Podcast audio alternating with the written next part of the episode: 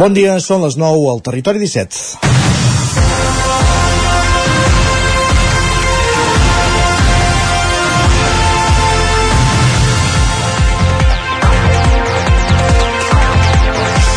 Saber veure les oportunitats i donar-hi respostes. És molt fàcil donar el consell, però segurament si ens ho responguessin, si ens responguessin que busquéssim l'oportunitat i comencéssim a buscar respostes, molts ens trobaríem abocats en, a un atzucac. No va ser el cas de Marta Maneja i el seu company de promoció Hernán Hernández, que es van formar en Lane, lideratge, emprenedoria i innovació a la Universitat de Mondragón, concretament al centre de Barcelona, al Team Labs. Buscaven una alternativa a les culleretes i canyetes de plàstic, dels quals s'havia prohibit la seva comercialització a partir de la Directiva Europea 2019 barra 904. I van veure la llum en un viatge a l'Índia. Canyetes i culleretes comestibles. Van madurar el projecte a la incubadora de startups Lanzadera de València, i han tancat una ronda d'inversió en 540.000 euros i sota la marca Gloop ja comercialitzen culleretes i canyetes que tenen un ús de 15 minuts i després es poden menjar. Les comercialitzen a cadenes de gelats o cafeteries.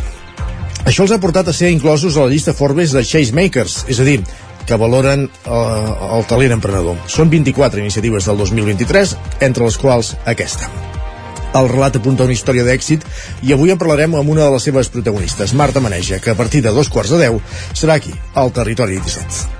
És dijous 1 de febrer de 2024 i arrenquem a la sintonia del 9FM, a la veu de Sant Joan, Ona Codinenca, Ràdio Vic, Ràdio Cardedeu. També ens podeu veure a través de Twitch, YouTube, Televisió de Cardedeu, el 9TV i la xarxa Més. Territori 17.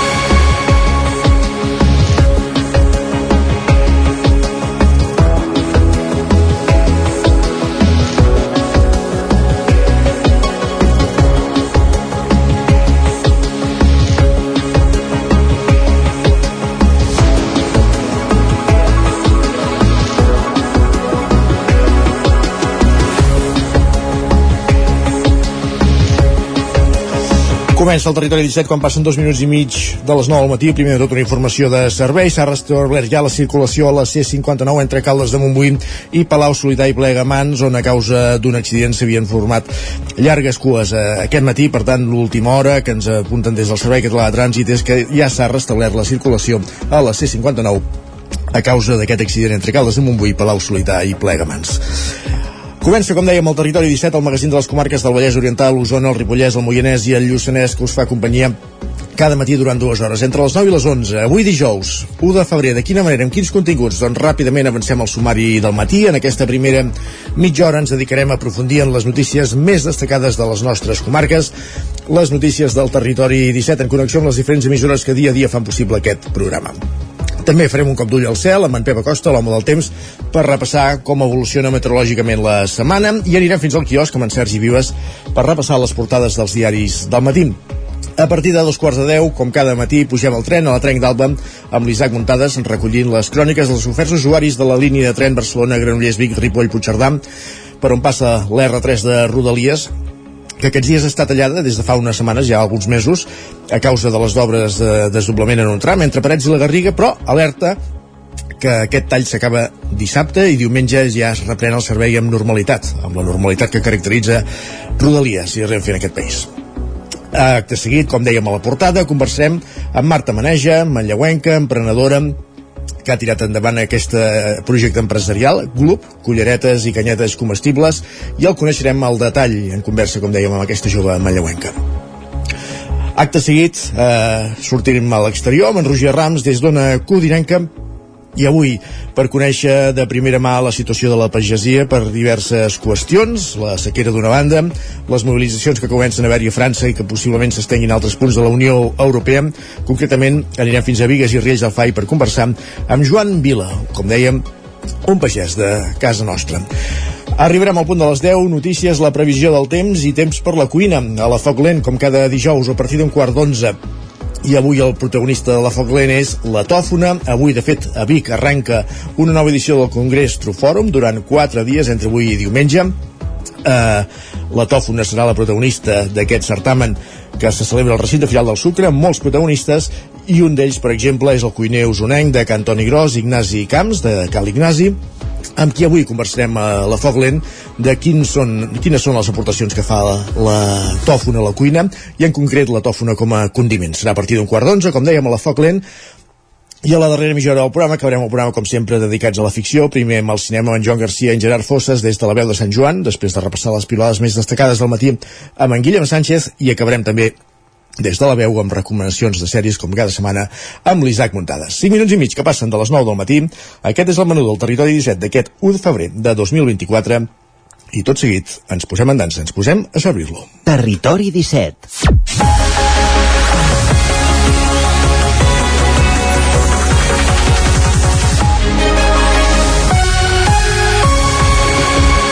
L'actualitat ens porta a parlar d'explosius, perquè a Osona, des de l'any 2012, els Mossos d'Esquadra hi han localitzat 91 artefactes explosius de conflictes bèl·lics històrics. Forma, formen part dels 8.200 que la policia catalana ha trobat a tot el país i que han requerit la intervenció de l'àrea TEDx, encarregada d'extreure's, extreure'ls i desactivar-los. Sergi Vives, el 9FM i ara els Mossos d'Esquadra han situat tots aquests artefactes en un mapa interactiu. La comarca d'Osona, amb 91 explosius localitzats, forma part de les que tenen un nivell baix d'afectació a Catalunya. Les comarques on se n'han trobat més són l'Alt Urgell, l'Ara Empordà, la Ribera d'Ebre i el Baix Llobregat, una distribució relacionada amb la Guerra Civil. Amb el mapa interactiu, els Mossos volen contribuir a la recuperació de la memòria històrica. Així ho deia Gustau Aparici, que és el soscap de l'àrea TEDx dels Mossos. La intenció del cos de Mossos d'Esquadra de fer un, una feina més enllà de lo que seria purament policial i estem fent una recollida de dades eh, localitzant-les eh, en el territori perquè pugui passar a la posteritat, perquè els historiadors, les uni universitats, puguin tenir accés a aquesta informació que d'altra manera s'acabaria perdent. Els Mossos d'Esquadra recorden que en cas de localitzar algun artefacte explosiu no s'ha de tocar ni moure. Cal trucar immediatament al 112 perquè especialistes del TEDx hi acudeixin i en facin una extracció segura. En una de les últimes troballes, aquest mateix mes de gener, van aparèixer 12 granades de mà en un fals sostre d'un edifici de Castellbisbal on es feien obres. Més qüestions, anem cap al Ripollès perquè l'alcaldessa de Ripoll, l'ultradretana Sílvia Oriols, afirma haver detectat algunes màfies que feien pagar per empadronar i l'oposició li recrimina que, de, que dilati tres mesos el procés d'empadronament. Isaac Muntades, des de la veu de Sant Joan. La polèmica per la dilatació dels empadronaments va acabar arribant al maratonià ple de Ripoll d'aquest dimarts, el qual va acabar a la mitjanit com marca el reglament municipal. Arran de la informació apareguda a la portada del periòdico fa una setmana que afirmava que l'alcaldessa de Ripoll gairebé esgotava fins al límit legal de 3 mesos l'empadronament dels immigrants a la vila, el regidor de l'alternativa per Ripoll CUP, Dani Vilaseca, va apuntar que 91 decrets eren resolucions relatives al padró de nous habitants, tot i que estava preocupat per la dilatació en el temps entre el dia de la sol·licitud i la signatura que corroborava l'empadronament. L'equip de govern de Aliança Catalana, liderat per l'alcaldessa Sílvia Oriols, va explicar quin era el procés per verificar que les dades fossin correctes en què la policia local s'arribava a personal al domicili del sol·licitant per comprovar si hi vivia. Unes mesures que duien a la pràctica perquè el padró s'assenyís a la legalitat. Considerem que són efectives, que hem detectat casos de clares astúcies en què s'han intentat empadronar en domicilis on no hi vivien. Hem detectat també algun cas de sobreocupació. Hem detectat pisos on reiteradament s'intentaven empadronar diferents eh, persones que no hi acabaven residint mai i que per tant se sospita que s'ha cobrat per aquests empadronaments i per tant doncs, eh, també la policia local hi està sobre per mirar d'aconseguir proves. Les explicacions no van convèncer Vilaseca, que va recordar que en un ple passat havia presentat una moció que demanava acabar amb les màfies que operaven a Ripoll per empadronar. El portaveu de l'alternativa va recordar-li que l'empadronament és un tràmit administratiu i que el consistori no té competències en matèria d'immigració, a més de renyar-la pel fet que s'enorgullís que menors d'edat quedessin privats de medicines perquè no tenien la targeta sanitària i que la síndica de Greuges, el govern espanyol i la Unió Europea li hagin demanat explicacions. També va concretar un cas particular. Un dels casos d'una persona que porta 16 anys vivint a Ripoll, cotitzant a Ripoll, treballant aquí, i porta la seva família i viu en un domicili, no hi ha sobreocupació, no hi ha cap tipus d'il·legalitat, no hi ha absolutament res, no pot portar precisament els seus fills o a l'escola o al metge perquè resulta que vostè està dilatant 3 mesos aquest procés. Oriols va contestar-li que amb aquest mètode hi ha gent que se li desestima l'empadronament i d'altres que desisteixen, ja que apuntava que en l'anterior mandat de Junts sortien amb el volant d'empadronament l'empadronament al camp de 5 minuts. Precisament la porteu juntaire Manoli Vega va dir que Oriols no se saltava la llei i que acatava com quan va penjar la bandera espanyola al balcó, a més d'exigir-li que es fes un informe de quanta gent sortia amb el padró en només 5 minuts. Aquestes afirmacions que vostè fa abans, cap de 5 minuts ja sortien amb el padró, amb l'antic equip de govern, els regidors tampoc mm, aquí en el plenari no contestaven i no passava res, i he demanat dades, i altres afirmacions que es fan, i la premsa subvencionada i tal, que tingui una mica de cura, perquè no, la veritat és que he volgut callar fins ara, però alguna hora es pot emportar una sorpresa. El regidor independent de Som i Ripoll, Joaquim Colomer, va recriminar-li que controlen molt l'empadronament, però després se li escapen llicències d'obra de 2 milions i mig d'euros. Més qüestions cap al Vallès Oriental, a Nemar, perquè Caldes de Montbui aprova el pla d'acció municipal d'aquest mandat amb els vots d'Ara Caldes i el PP. Roger Rams, Ona Codinenca. El ple municipal de Caldes de Montbui ha aprovat definitivament el PAM, el Pla d'Acció Municipal, que especifica els principals eixos i actuacions de l'Ajuntament fins al 2027, una aprovació que ha estat per majoria amb 13 vots a favor i 3 abstencions. El govern municipal format per Esquerra i Junts per Catalunya ha aconseguit aprovar el pla municipal amb els vots a favor d'Ara Caldes i també del Partit Popular i les tres abstencions del grup dels socialistes. El text aprovat ha incorporat una vintena de propostes que s'han fet arribar per part de les forces polítiques i també de la ciutadania durant el procés d'audiència ciutadana, tal i com detalla l'alcalde de Caldes, Isidre Pineda on hem fet eh, un esforç important d'arribar a un camí compartit, eh, però obrint-ho a la resta de grups polítics i obrint-ho, evidentment, a la ciutadania.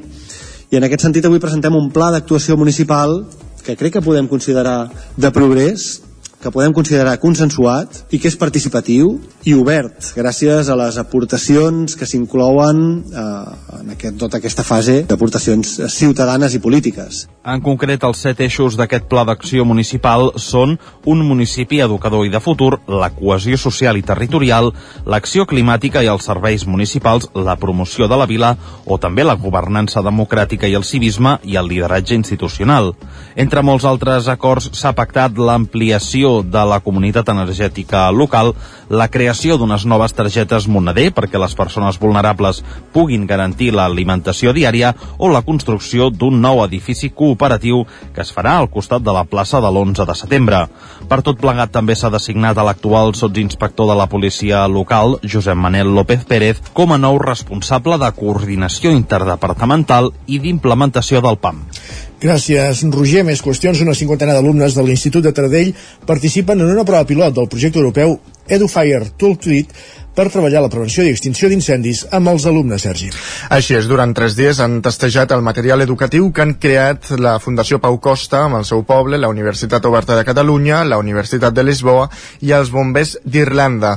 Ho expliquen la tècnica de projectes de la Fundació Pau Costa, Carla Vilarassau, i el regidor d'Urbanisme i Sostenibilitat del municipi, Joan Cano. Han hagut de marcar els diferents usos del sol i, a més a més, també la, les la proposta de les estratègies de gestió del territori per exemple, doncs, han escollit on volen fer una crema prescrita, han escollit on hi ha vinyes, han escollit on fer les franges de prevenció d'incendis al voltant de l'organització o al poble, o on fer silvopastura, o on fer silvicultura. L'importància, la gravetat i la transcendència dels incendis que s'estan produint eh, actualment i, i posteriorment també de la necessitat de gestionar eh, les masses forestals, de gestionar els boscos, eh, precisament per prevenir aquests incendis. Per tant, jo crec que és una, són iniciatives que són molt necessàries.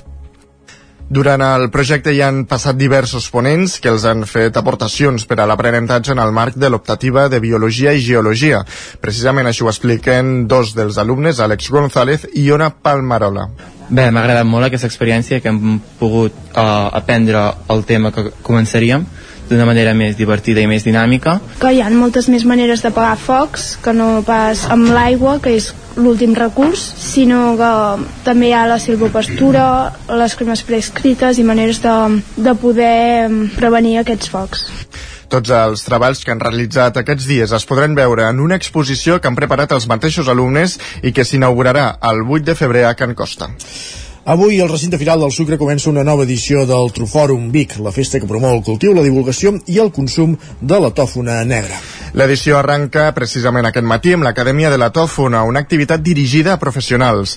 Alumnes de diferents escoles d'hostaleria de la província de Barcelona participaran en una jornada de formació per introduir-los al món d'aquest diamant culinari.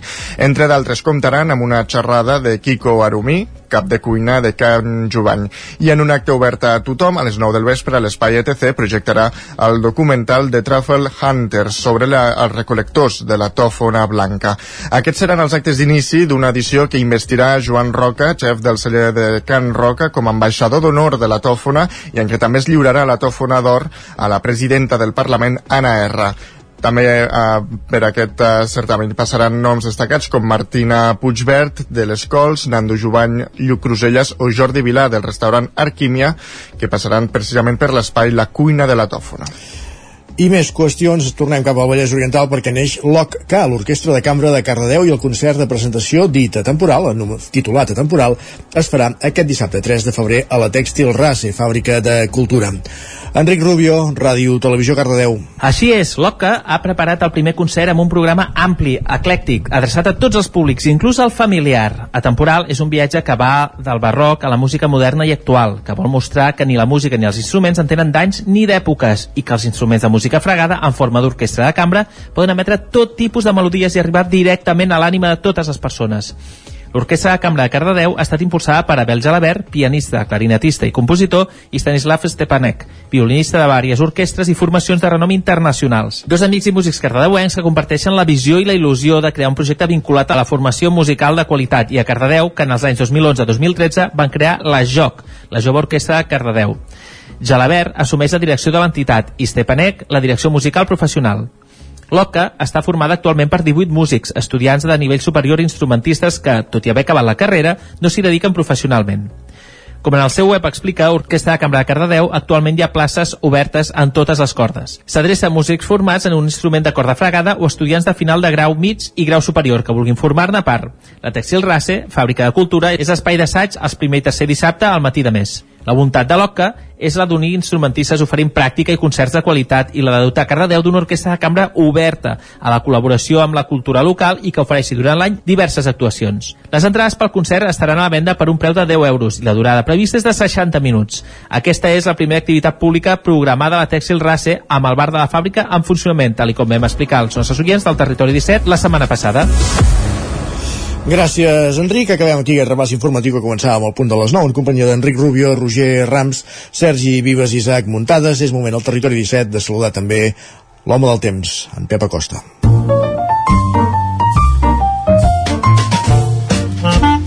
Casa Terradellos us ofereix el temps. Tornem a una codinenca. Pep Acosta, benvinguts, bon dia. Hola, estem aquí a l'espai del temps. Uh -huh.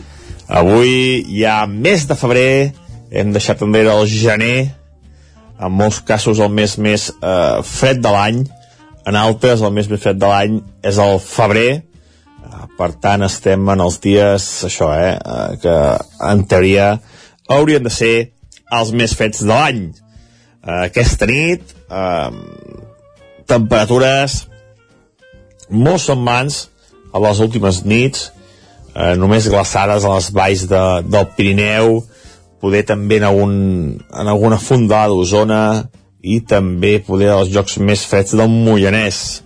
Alguns valors, 2 sota 0, a de Segúries de mínima, eh, 3 graus positius a Cales de Montbui, o 0 graus a Vic, la capital usonenca. Ja veieu, unes temperatures eh, una mica per sobre del que hauria de ser normal, perquè alta muntanya, a Baiter, per exemple, ha tingut 3 graus de mínima. Aquesta inversió tèrmica, eh? Més fred a les valls que no pas alta muntanya, aquest aire fred estancat a les fondalades i eh, aquesta suavitat a les parts més altes de les nostres comarques. Continuem aquest anticicló, les perturbacions eh, passen molt més al nord de les nostres latituds, continua aquesta sequera i no la traurem de sobre durant els pròxims eh, dies. Um, a més, l'anticicló avui encara es fa més fort, serà més important que l'anticicló, serà més potent, i de moment no té cap intenció d'allunyar-se, ni de bon tros, eh? com deia, serà avui encara més potent. Les temperatures màximes avui pujaran, eh, moltes màximes, moltes, entre els 15, 18, 19 graus, sobretot cap a, cap al peritoral, aquests 19 graus seran eh, molt habituals, cap a l'interior, això, moltes màximes entre els 15, 16, 17 graus, temperatures suaus, suaus al migdia, contrast tèrmic bastant accentuat entre el dia i la nit. Pel que fa a estat del cel, eh, molt de sol, algun núvol prim viatger que viatjarà amb, més pena que glòria, sense cap precipitació i novament vents molt febles, tot estancat, eh, contaminació i no, no hi ha novetat, eh? no hi ha novetat. Eh, poder la setmana que ve es comença a veure alguna cosa, però bueno, queda moltíssim i els mapes encara poden eh, canviar també molt d'aquí a la setmana vinent. Veurem, veurem què acaba passant. El que està claríssim és això, eh? Avui, dia tranquil, migdies eh, amb les temperatures que pujaran, molts valors pròxims als 20 graus, un estancament eh, meteorològic, eh, fruit d'aquest anticicló enorme que tenim a la península ibèrica. Moltes gràcies i molt bon dijous. Adeu. Gràcies a tu, Pep. Parlem d'aquí una estoneta. I nosaltres el que fem tot seguit aquest 1 de febrer de 2024 és anar a veure què diuen els diaris que, que trobem aquest matí al quiosc. Casa Tarradellas us ha ofert aquest espai. Territori 17. Envia'ns les teves notes de veu per WhatsApp al 646 079 023. 646 079 023. WhatsApp Territori 17.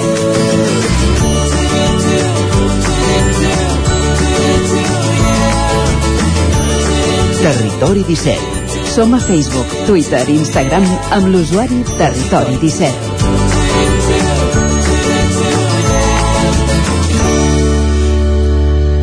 8 minuts i mig perquè siguin dos quarts de 10 del matí, com dèiem, temps d'anar cap al quiosc.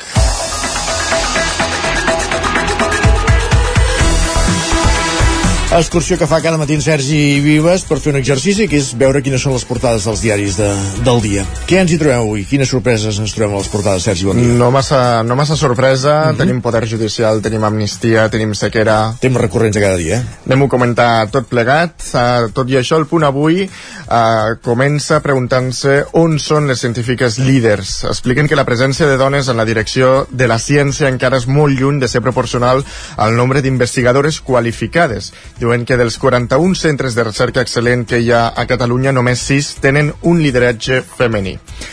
Ara sí, arrenquem amb sequera. El periòdico ha fet un monogràfic amb les restriccions que arriben per la declaració de l'emergència de sequera en més de 200 municipis.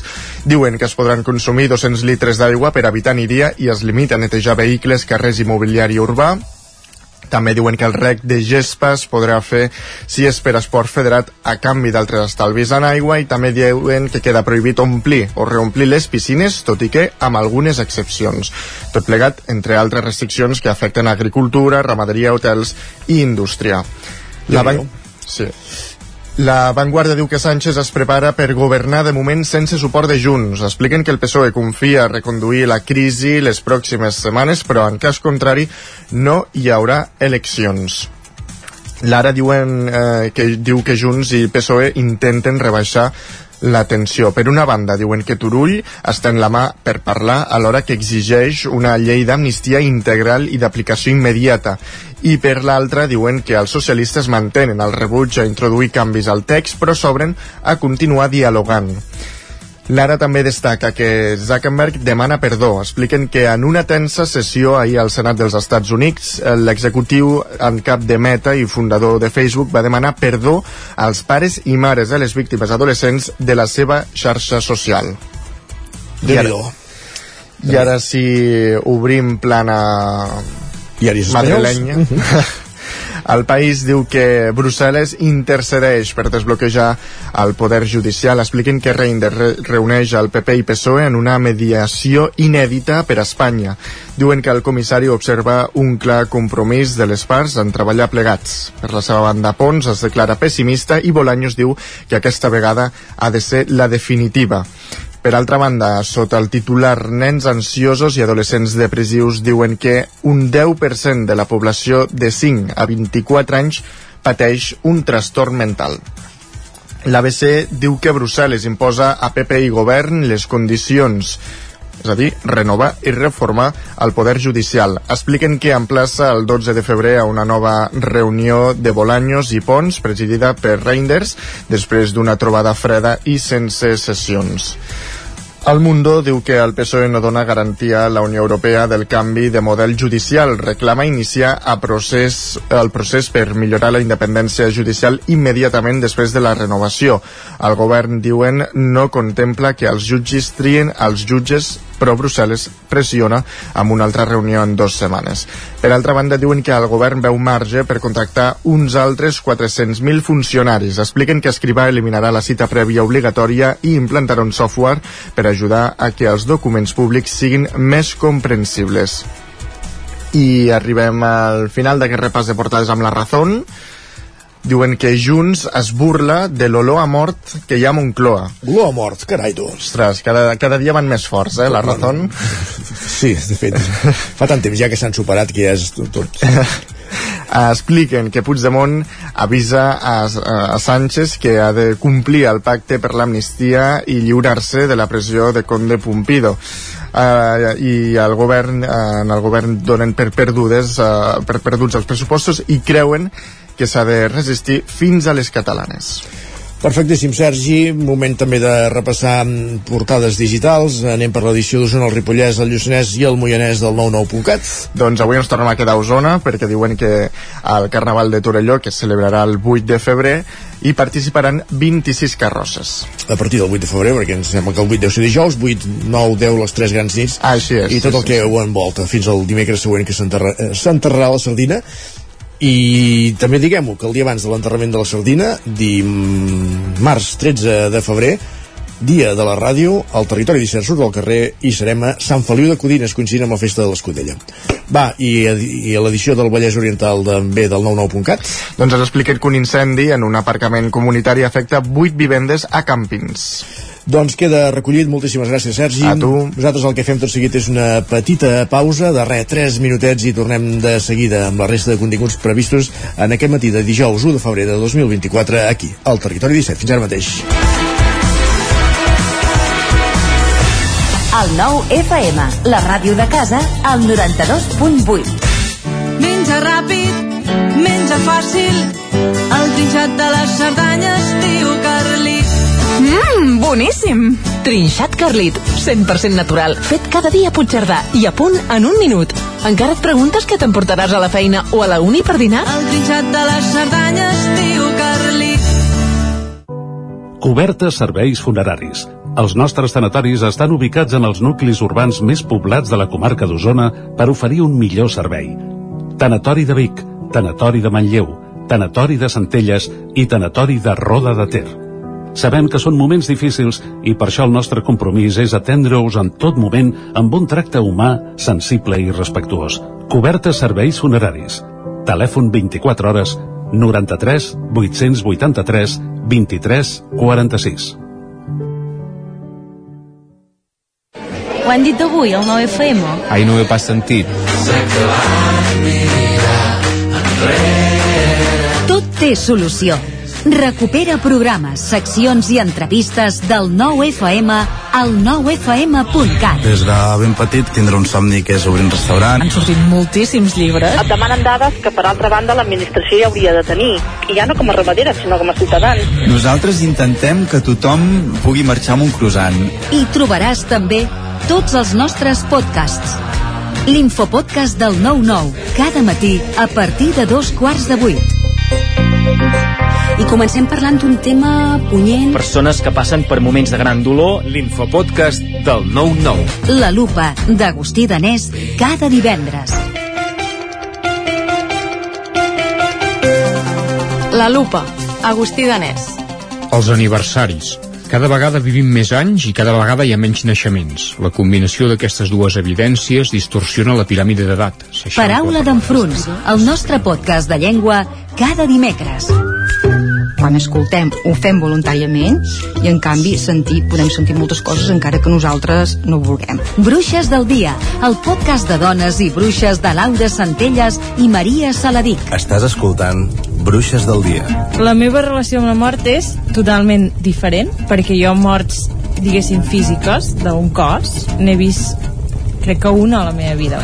Feeling the Cinc, l'actualitat de casa nostra en anglès. Hello and welcome to Filling the Sink, a podcast from Catalan News. My name is Lucía I també tots els relats finalistes del concurs de narrativa curta del 9-9. He despertat a mig de la foscor. Tinc la boca seca i els ulls El 9fm.cat, la ràdio en línia i els podcasts del 9FM. Territori 17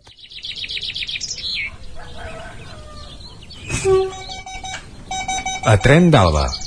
Cada dia els usuaris i usuàries de la línia R3 de Rodalies que veuen sortir el sol des d'un vagó ens expliquen les gràcies i les penes del primer comboi que uneix Ripoll i Barcelona o les feixugues jornades amb el tren després de treballar.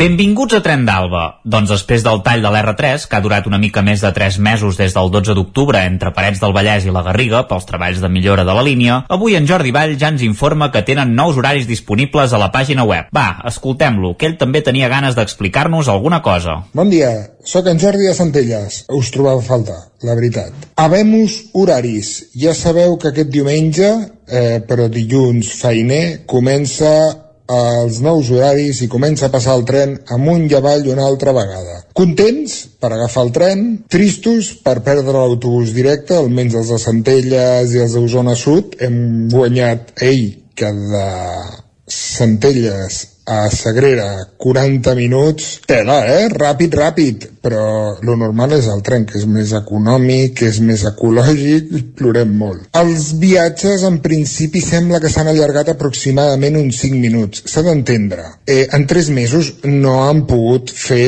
eh, la doble via si quan fiquem un palet a casa ens diu 3 setmanes i ens dura 3 anys, doncs imagineu tot aquest pollastre. Sembla que cap al juny fins al desembre tornarem a tenir parada. A veure com funciona tot. Dilluns us ho explico. Vinga, adeu-siau. La llàstima és que quan t'acostumes a l'autobús, doncs ho passes malament si has de tornar en tren, ja que la comoditat i la rapidesa del trajecte no són comparables. Això sí, el tren és més ecològic i econòmic, com diu en Jordi, però segur que trobarà a faltar l'autobús. Va, ens retrobem demà amb més històries del tren i de l'R3.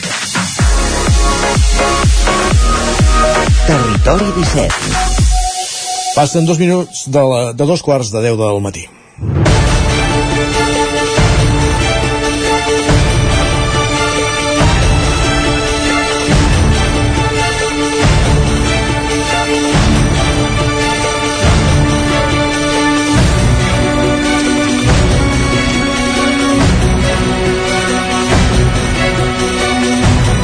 Forbes publicava a finals de l'any passat la llista de changemakers, podríem definir-ho com a talent emprenedor, i incluïa 24 emprenedors de, de l'estat espanyol, entre els quals un projecte eh, fet a quatre mans, dues de les quals són manlleuenques, de la Marta Maneja. Estem parlant de Gloop, un, una startup que naixia per mm, donar respostes a la prohibició de l'ús del plàstic en les canyetes o les culleretes, les canyetes eh, begudes o les culleretes i ho feien amb una proposta de canyetes i culleretes comestible.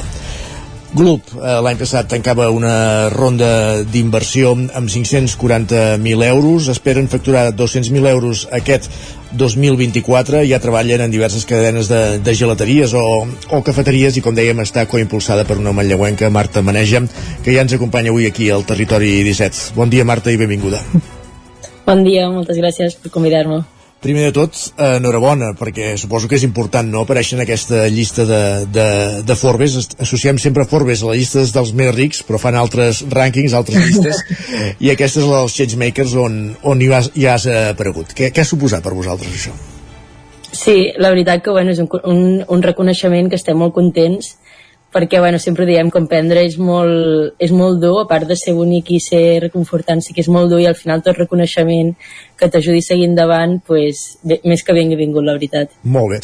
Parlem una mica de la història de, de Gloop, com neix eh, aquest projecte, un projecte, com dèiem, a quatre mans, entre tu, Marta Maneja i l'Hernan Hernández, que si no tinc malentès us coneixeu a la facultat estudiant, i, i que, que d'aquí d'anar eh, investigant i d'anar buscant maneres eh, arriba a bon port per entendre'ns, no? diguéssim que hem començat ja a caminar Sí, nosaltres el projecte va néixer l'últim any de, de la carrera, estudiàvem una carrera que és Lane, lideratge, emprenedoria i innovació, uh -huh. i just l'últim any els, els dos compartíem una preocupació per al medi ambient i una mica l'objectiu va ser anem a veure què, què podem fer per aportar el nostre granet de sorra. Uh -huh. I va ser arran d'un viatge a la Índia on allà vam inspirar-nos una mica amb un concepte similar i vam decidir tirar endavant i veure què, què, què, què passaria i començar amb el projecte. Per què què passa a l'Índia, ja? Sí, allà sobretot anem, anem amb la carrera durant, durant dos mesos i ca, allà cadascú va amb el seu objectiu i nosaltres personalment anàvem amb l'objectiu d'això, de, de començar un projecte en vies de, de desenvolupament sostenible. Allà vam tenir l'oportunitat de, bueno, de moure'ns molt, viatjar molt i, i vam conèixer just un emprenedor que estava començant alguna similar allà a la Índia. Uh -huh. Vam tenir l'oportunitat d'estar treballant amb ell, de conèixer-lo i tal, i vam dir, ostres, creiem que això també pot tenir molt, molt sentit a Europa i és el moment perquè érem coneixedors de, de la llei que prohibia el plàstic d'un sol ús així que vam dir, ho hem d'intentar i, veure, i veure com va uh -huh. I la idea és aquesta, el punt de partida és aquesta llei, aquesta directiva europea que prohibeix el plàstic d'un sol ús eh, i vosaltres doncs, busqueu la manera de fer canyetes i culleretes principalment, no sé si més endavant ens plantejareu altres coberts, que siguin comestibles un cop utilitzats. Què és, què és una galeta? Quin és el tipus de, de el material amb el que està fet aquest producte? Sí, el material principal és farina. En, en el cas de les culleres són sense gluten, que és farina d'arròs l'ingredient principal. En el cas de les canyetes ara mateix és amb gluten, tot i que estem treballant ja en la versió sense gluten. Uh -huh. I, I sí, la idea és com una galeta. És veritat que primer s'ha d'utilitzar com si fos un cobert, és resistent perquè t'aguanti pel seu ús, en el cas de les culleres, sobretot, estem en gelateries per menjar gelats, principalment, i en el cas de les canyetes, sobretot en hotels amb, amb còctels i, i, i, bueno, i altres tipus de begudes, també. Uh -huh. I una cop l'has utilitzat, el pots menjar com fos una, galeta, una galeta. Uh -huh. Així que tenim dos tipus de... tenim diferents sabors, també. Parlem d'emprenedoria, abans ho dèiem a la portada, que és allò de, de veure una oportunitat i saber-hi donar resposta. El concepte és molt senzill, però darrere aquest concepte hi ha moltíssima feina 1 elaborar el projecte, l'heu desenvolupat en una incubadora, heu fet aquesta ronda d'inversió, una mica com ha anat caminant tot això? Sí, nosaltres sobretot ens hem anat guiant molt per, per al mercat. És veritat que al principi vam ser, va ser com, vale, hem de validar això amb els mínims recursos perquè realment som molt joves, tampoc, ens ha, tampoc hem tingut temps per, per poder acumular molta inversió, així que vam començar amb els mínims recursos i validant i veure què deia el mercat i com li agradava. Així que el primer vam aconseguir treure molt, moltíssima informació per part del sector Oreca, sobretot estàvem, vam recórrer a Costa Brava, tot el que és Barcelona, traient moltíssima informació i un cop ja vam veure que tenia sentit el projecte va ser quan vam anar a buscar inversió perquè sí que érem conscients que al final el ser un producte físic necessita un desenvolupament i uns temps i una indústria que, que requereix inversió. I, i ja un cop vam aconseguir la inversió doncs ara estem tots mans a l'obra ja som un equip de sis persones treballant a full time amb això i per aconseguir tirar-ho endavant. Ara ho deies, un equip de, de sis persones, eh, eh, quins perfils, diguéssim, eh, qui dona feina ara mateix aquest projecte de Loop? Sí, doncs tenim dos tecnòlegs d'aliments que són els que estan fent tots els desenvolupaments i després estem comercials. Uh -huh. Una mica són, i els dos fundadors. Opereu per tot l'estat espanyol. De fet, si no tinc mal entès, eh, vosaltres teniu la seu ubicada, no sé si entre València o Madrid, oi?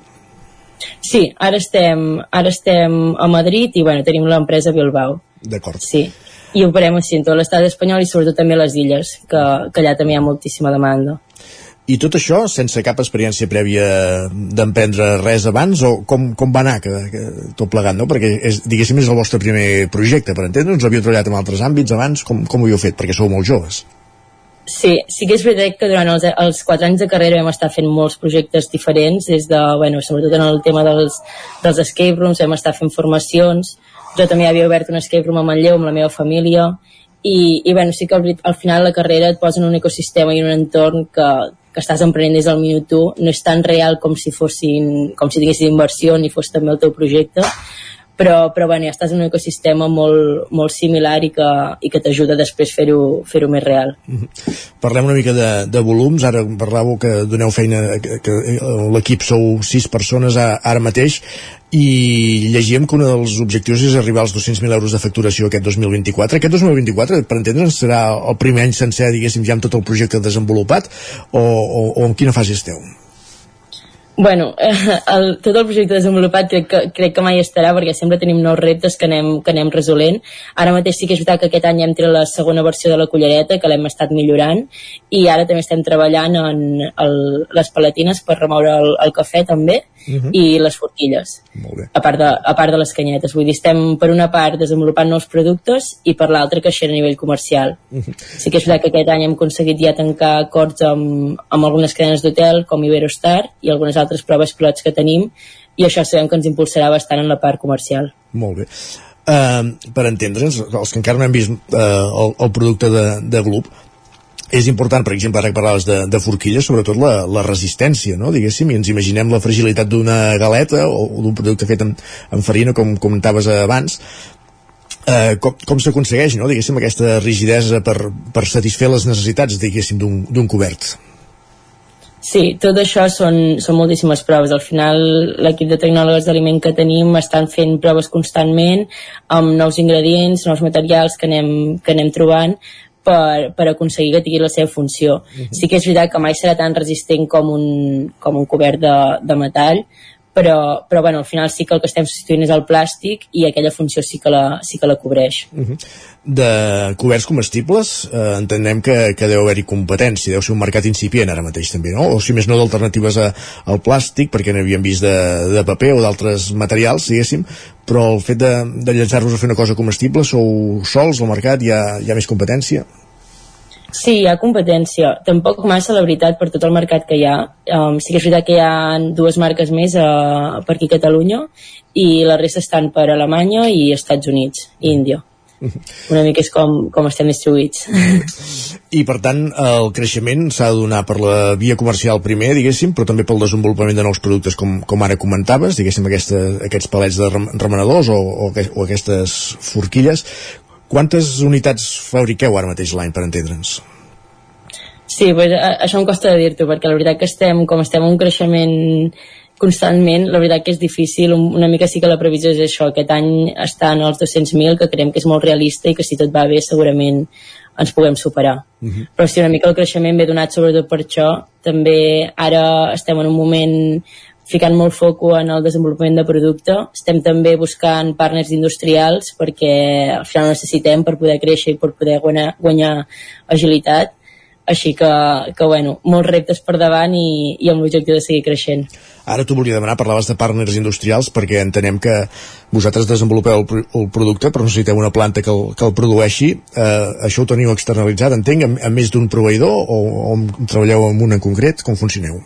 Sí, això ho tenim externalitzat, ara mateix estem treballant amunt, però estem, n'estem buscant més una mica per, per, bueno, per poder eh, guanyar agilitat sobretot, guanyar temps i, i també anar millorant, que al final dos, més ulls, quants més ulls siguem millor. Uh -huh. És un objectiu del pla estratègic per entendre's que, que aquesta, tenir una planta de producció pròpia o preferiu treballar amb aquest sistema?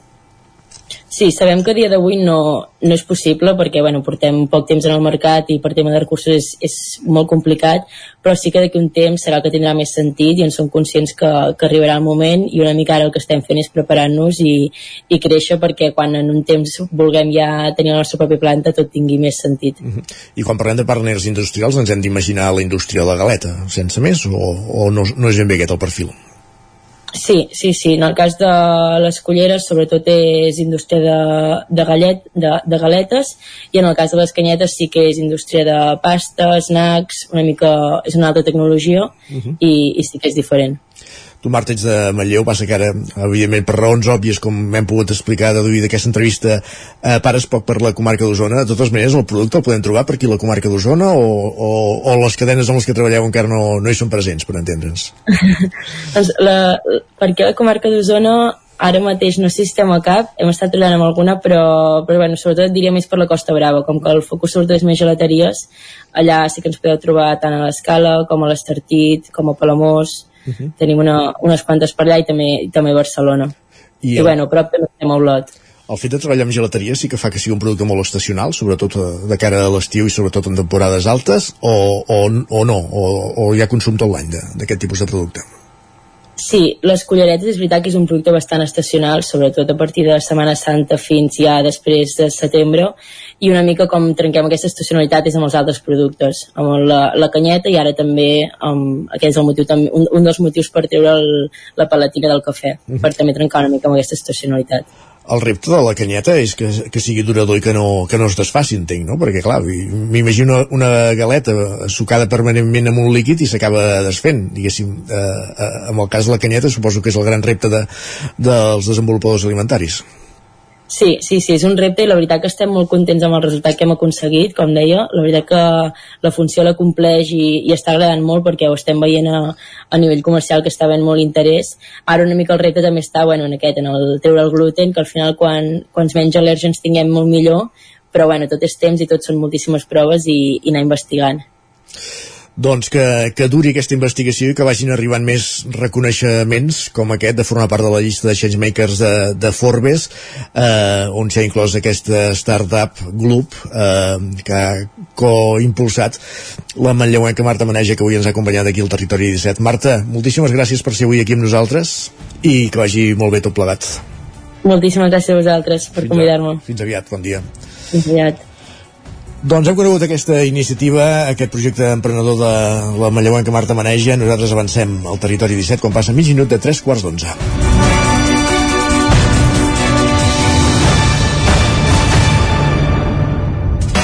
Territori 17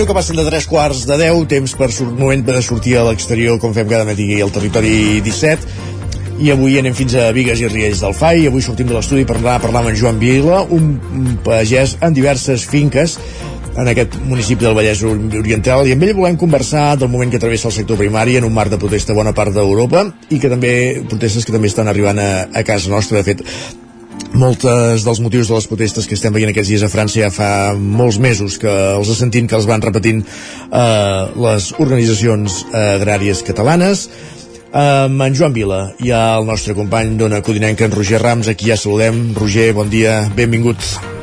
Bon dia, Isaac. Què tal? Com esteu? Bé, i tu?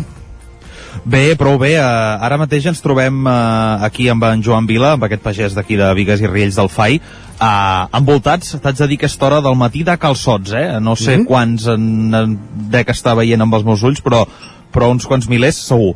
Doncs mira, pots, posar, pots posar-te a collir-los, així li fas un cop de mà també amb en Joan, no? Home, no estaria malament.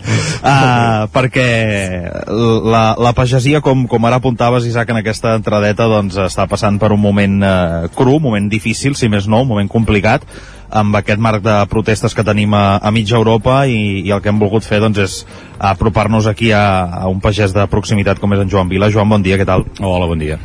Uh, primer de tot, explica'ns una mica quants anys fa que, que et dediques a, a la pagesia. Bé, jo em dedico doncs, ja fa més de 30 anys a la pagesia i doncs, és una explotació agrària familiar i doncs, ja portem 3, 4, 5 generacions que fem de pagès.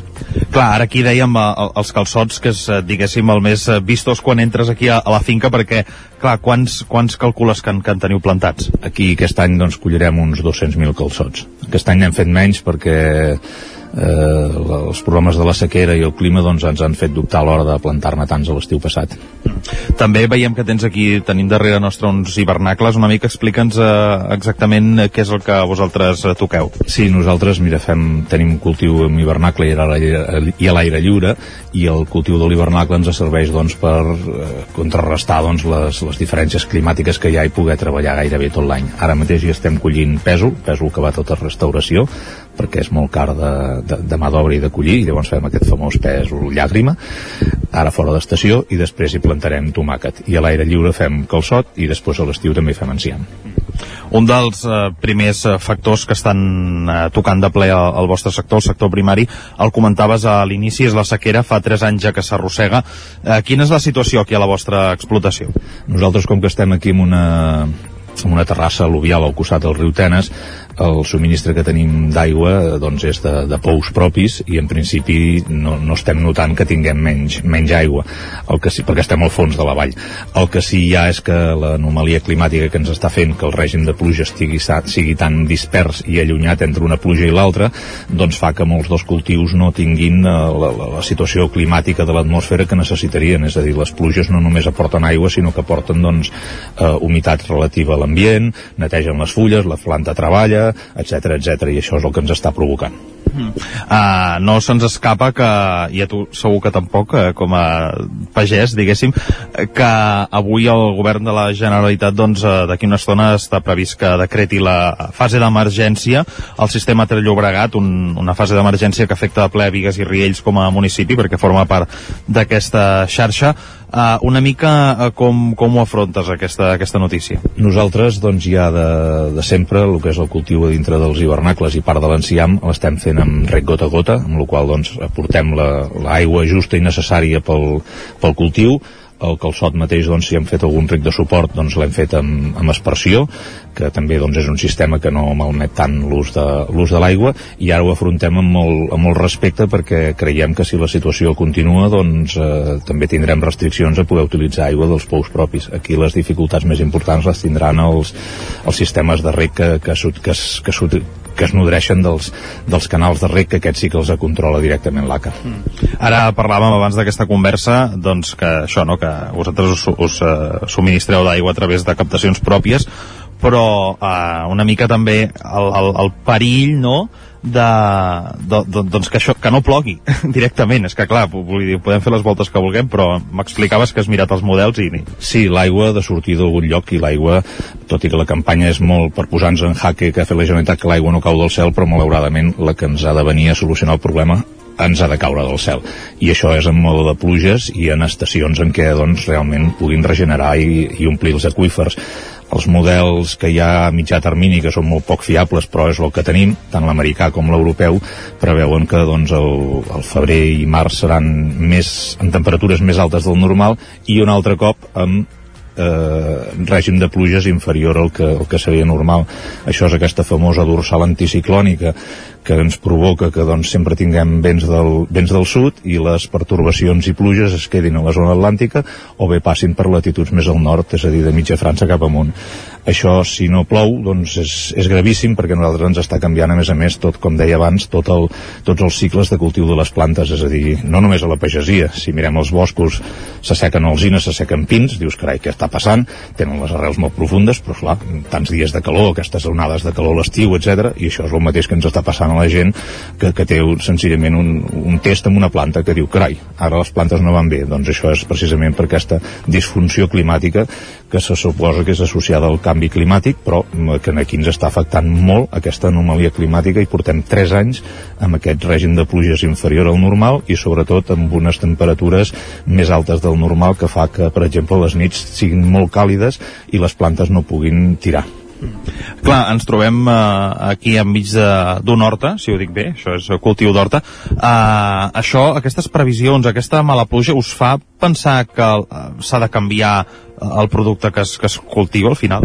No, perquè nosaltres, és a dir, el que sí que podem fer doncs, són són produccions més enfocades a la, a la primavera i a la tardor, perquè haurem d'acabar deixant de cultivar en ple estiu per l'accés de, de calor que ens està fent i la sequetat que hi ha a l'ambient, sobretot, però hem de pensar que el, el canvi de, de conreus no és fàcil perquè doncs, tens la infraestructura en quant a, amb maquinària i tot cada dia és molt més especialitzat.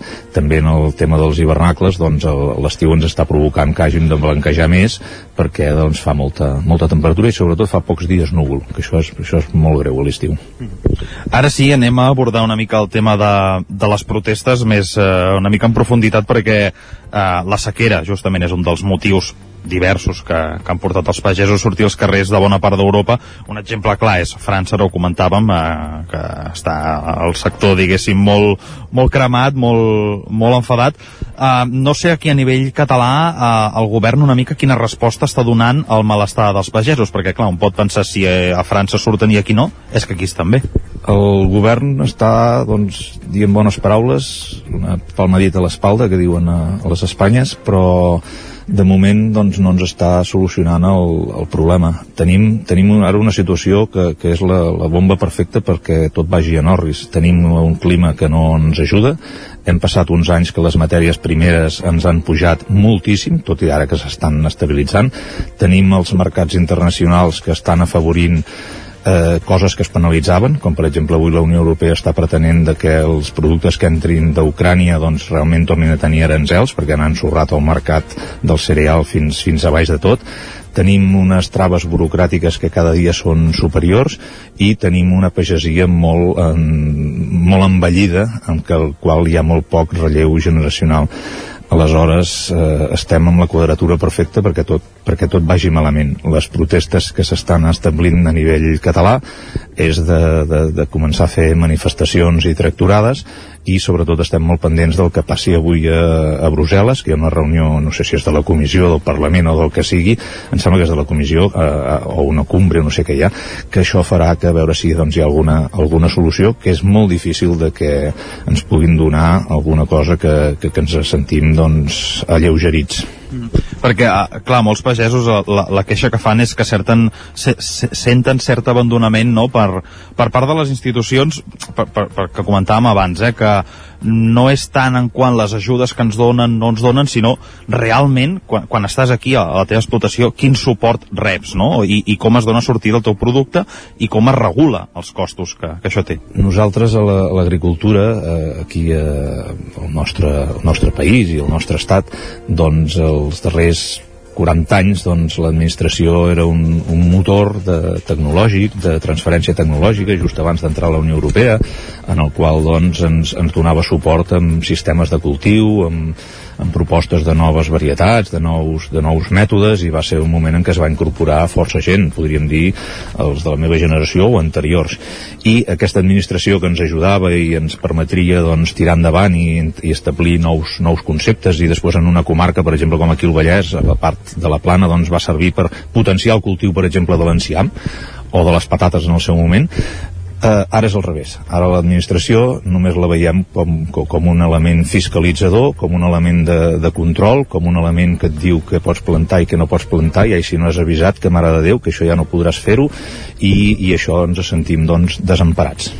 De, de fet, del, del tema burocràtic l'hem abordat aquí al programa en més ocasions. De fet, vam anar a visitar el pagès insumís de Mollà, no?, que es va fer, que es va fer conegut eh, justament per això, no? Per dir que ell es plantava davant de, de, tanta, de tanta burocràcia suposo que també, com deies, doncs això afecta molt a, a les explotacions agrícoles també. Sí, eh, això el que afecta les explotacions agrícoles, com va afectar doncs, ja farà uns anys a les explotacions ramaderes. Explotacions ramaderes estaven repartides pel territori, eh, amb explotacions petites i, i, i quasi bé microexplotacions, i ara doncs han hagut de quedar només grans, grans integradors i grans explotacions associades a empreses de, sigui d'embotits, sigui de fàbriques de pinso, perquè precisament aquesta aquesta administració i burocratització del sistema feia que les, les explotacions ja no puguin generar més, més activitat o, o adaptar-se precisament per aquesta, per aquesta dimensió. Com que les explotacions no poden créixer, llavors han crescut les estructures mantenint les petites explotacions com a, com a satèl·lits d'aquestes grans empreses. Mm. I això és el que no pensem que no, pot, que no pot passar precisament per la vertebració del territori. Aquí no som l'Espanya vaciada ni la Catalunya abandonada, però el que sí que som és el, el món rural desesperat i, i sol. Déu nhi déu uh, Ja per, per acabar la branca de protestes més vinculades a, diguéssim, a casa nostra, eh, dir que entre cometes, una de les queixes que també Unió de Pagesos manifestava és sobre el pla agrari comú que ha aprovat el Ministeri Espanyol d'Agricultura que doncs, té en compte molts aspectes relacionats amb el canvi climàtic, amb els objectius de desenvolupament sostenible i etc però aleguen que no està ben dissenyat, ja que no s'adapta realment a, a, a, com ara deies tu, al món rural que es troba desesperat. Sí, perquè, per exemple, una de les accions que, que hi ha en, aquesta, en aquests nous plans són les mesures agroambientals, és a dir, d'Europa, els que fem horta rebem molt poques subvencions, però, per exemple, el cereal està totalment subvencionat, perquè si no seria inviable el seu comerç i la seva producció, però eh, hi han mesures, no sé, eh, ara avui està discutint a Europa doncs, si volen treure el que en diuen el guaret, és a dir, una explotació està obligada a tenir un 4% de terres que no sembri. Home, quan aquí hi ha una pila de terres abandonades doncs allà ja serà un, un lloc on ja, ja, ja hi ha un guaret permanent. No, no, no fem que els que produeixen tinguin que deixar, per exemple, aquests, aquests guarets. Això és quan s'està dient que està fet des d'un de, des des despatx hi pot haver-hi extensions en zones que totalment sigui agrícola, que hi ha un poble cada 40 quilòmetres, que potser en allà es poden fer mesures d'aquest tipus, però aquí amb, una, amb un fraccionament i amb un mosaic agroforestal i agroterrenys abandonats no és necessari aquest tipus, de, aquest tipus de mesures. Coses com, per exemple, marges que no es poden netejar, marges que no es poden... Home, si tenim camps que ja, que ja estan eh, biològicament salvatges, home, doncs de, deixi'm netejar els marges, que així doncs el meu, la meva parcel·la jo hi podria cultivar fins al final i podria ser algo més productiu. Per què? Perquè si tot és limitacions, limitacions, limitacions, excés de cost, excés de cost, excés de cost, jo no puc augmentar la meva producció ni la meva productivitat, ni puc reduir, per això ha col·lapsat aquests tres anys de, de, de, del clima totalment advers, sobretot aquí els, a la zona del prelitoral. I a tota Europa encara és més greu perquè doncs, hi ha unes despeses que encara són més altes que aquí. Doncs eh, ho veiem, eh, Joan, eh, aquest eh, límit que està travessant el, el sector agroalimentari català, que deies, no som l'Espanya buidada ni la Catalunya buidada, però sí que estem abandonats. I, i ja amb el que comentaves ara sobre, sobre els terrenys que s'han de, de deixar aquí és un exemple claríssim. Eh? Estem veient el teu camp, diguéssim, les teves finques envoltades absolutament de bosc eh, a banda i banda i, i també amb els problemes que això porta de, de senglars, de conills, que això, això és un altre tema, però suposo que també és... Sí, el, el tema de la, de la fauna salvatge, jo que, ja fa 30 anys que m'hi dedico no haguera dit mai que tindríem un problema amb, amb això. Teníem problemes esporàdics, un ramat de coloms a l'estiu quan feies enciam, perquè no tenien res més, venien i te'l picaven, però ara doncs ja sigui el senglar en aquesta zona, zones més limitades que és el conill i també el cabirol ens estan portant a problemes també greus. I ho intentem controlar. Parlem amb els, amb els caçadors, amb les administracions, posem pastors elèctrics perquè no entrin a les nostres finques, però tornem al que dèiem abans. Ja és un altre aspecte, que aquest 5-10% que pot malmetre d'un cultiu, afegit a tot l'altre, és, és un element més en contra. Sembla que hàgim, parlant clar i català, i suposo que es deu poder, que hàgim xafat merda a la pagesia, perquè ja en xafem per abonar, ja en xafen els, els ramaders per, per, per quan han d'escurar les quadres, però noi, ara en xafem, passem per on passem, i aquí estem, estem com, com, com maleïts, no sabem d'on. Doncs ja ho veus, Isaac, eh? Aquest eh, testimoni d'en Joan Vila, aquest pagès de Vigues i Riells del FAI aquí al Vallès Oriental, que doncs, eh, ens està explicant la realitat, no?, de, de les explotacions eh, catalanes. Sens dubte molt il·lustratiu eh, el relat que fa de, de la pagesia tradicional i familiar catalana en Joan Vila. Gràcies, Roger, també per aportar-nos aquest testimoni avui a l'antena del Territori 17. Parlem d'aquí una estoneta. Gràcies, que vagi bé. Fins ara, bon dia.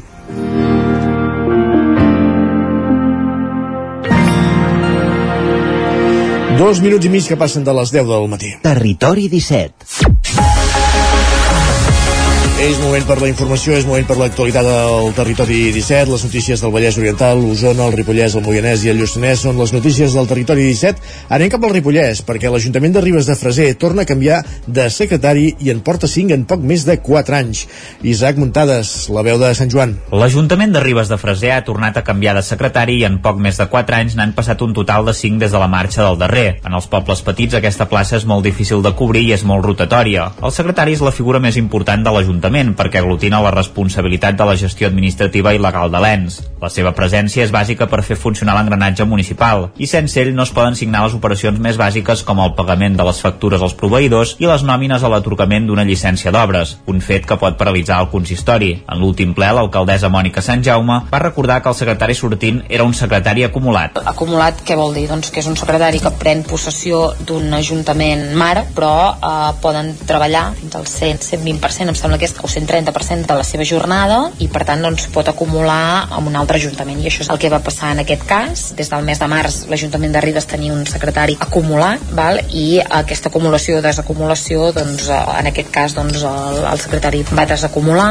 I el que diu la DEGAL, la, la Direcció General d'Administració Local és que el primer és la revocació del nomenament de secretari per tant la renúncia del secretari a l'acumulació. I el següent doncs, és obrir una convocatòria de cobertura de lloc per habilitats, per funcionari d'habilitació nacional. El secretari va desfer l'acumulació per una millora professional, ja que va obtenir la plaça d'un ajuntament de categoria superior pel nombre d'habitants. Sortosament, el consistori ribetà ha pogut cobrir la plaça amb una secretària accidental, una tècnica del consistori amb la formació jurídica i econòmica necessària per assumir les funcions del càrrec. El regidor de la CUP, Àlex Medrano, va insistir a dir que cal solucionar aquesta rotació constant i també hi veia discrepàncies entre el secretari i el consistori. Va plegar l'anterior secretari, que aquí vull fer una primera pregunta que ens va sorprendre una mica que plegués de Ribes però no va, no va plegar de, de l'altre ajuntament on, on exercia de secretari al mateix temps, per tant ens sorprenia a més a més, eh, curiosament venia de, de fer els informes desfavorables no sé si, si és coincidència o no, la veritat és que no ho sabem però amb l'anterior secretària ja ens va passar el mateix Medrano també insistia en el fet que el consistori va curt de personal i només faltava que els treballadors doblessin esforços per fer diferents funcions. L'alcaldessa va atribuir més el problema al fet que a Catalunya no hi ha una cultura opositora perquè requereix un esforç. En canvi, el sou és un bon incentiu, ja que Ribes és el treballador que rep una retribució més alta. Gràcies, Isaac. Més qüestions. A Osona rescaten dues noies desorientades al Morro de la Vella. A Tabertet, Sergi Vives, al 9FM. Així és, els bombers de la Generalitat van rescatar ahir a la tarda en helicòpter dues noies que s'havien desorientat al morro de la vella a Tabertet.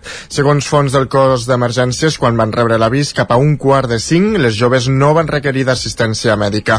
A més de l'helicòpter que va fer l'extracció, s'hi van desplaçar dues unitats terrestres. I encara la comarca d'Osona, des de l'any 2012, els Mossos d'Esquadra hi han localitzat 91 artefactes explosius de conflictes bèl·lics històrics.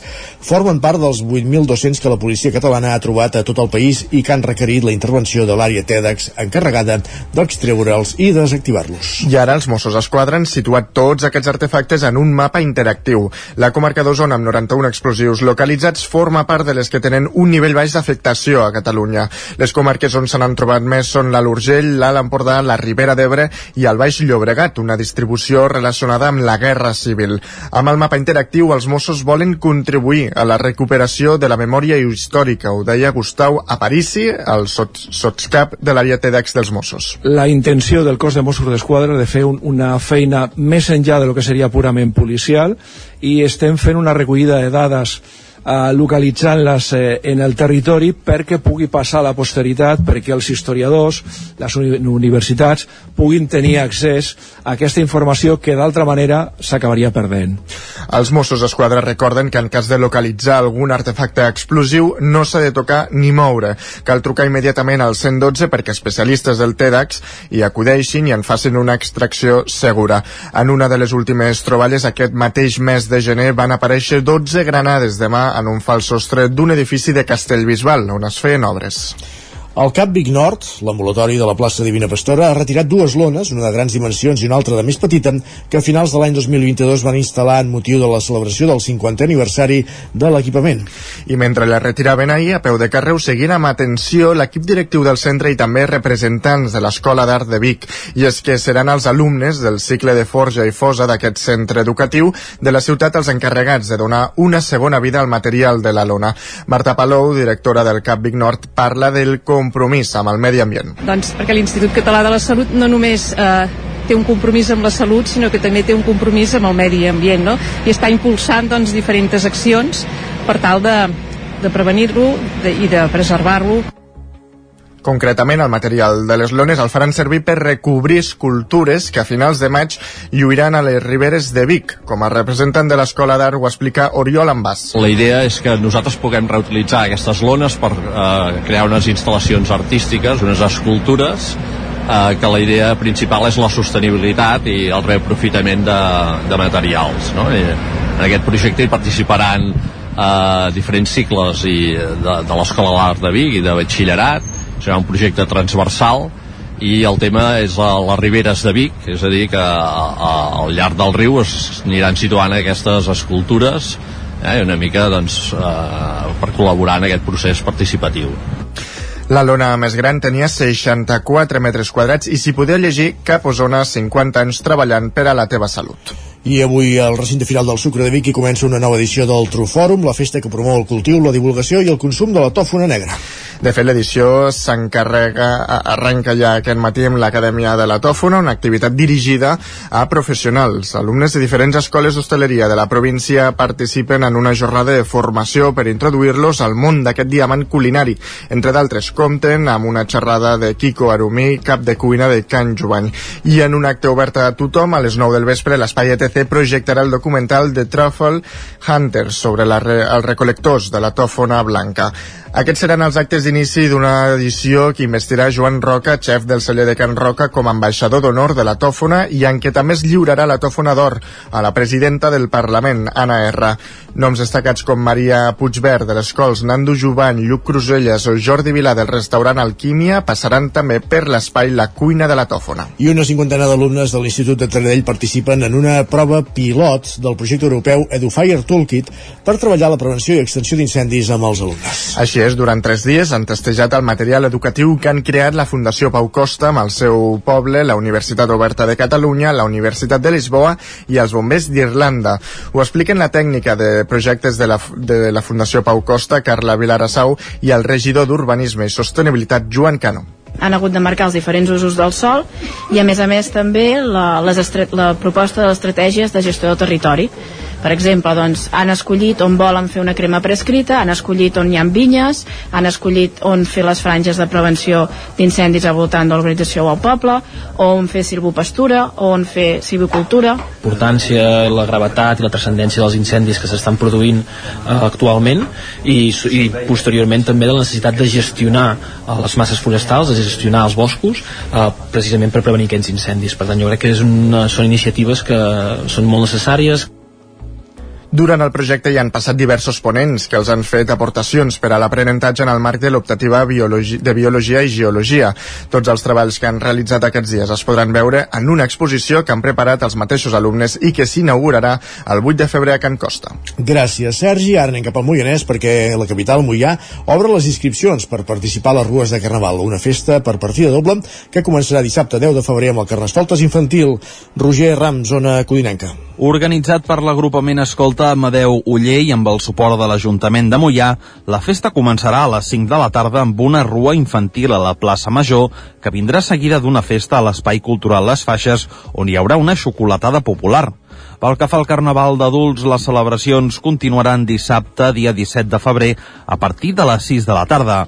El carrer Passarell acollirà una mostra de comparses que marcarà l'inici de la rua pels carrers de Mollà, que partirà des del carrer Doctor Gregorio Marañón.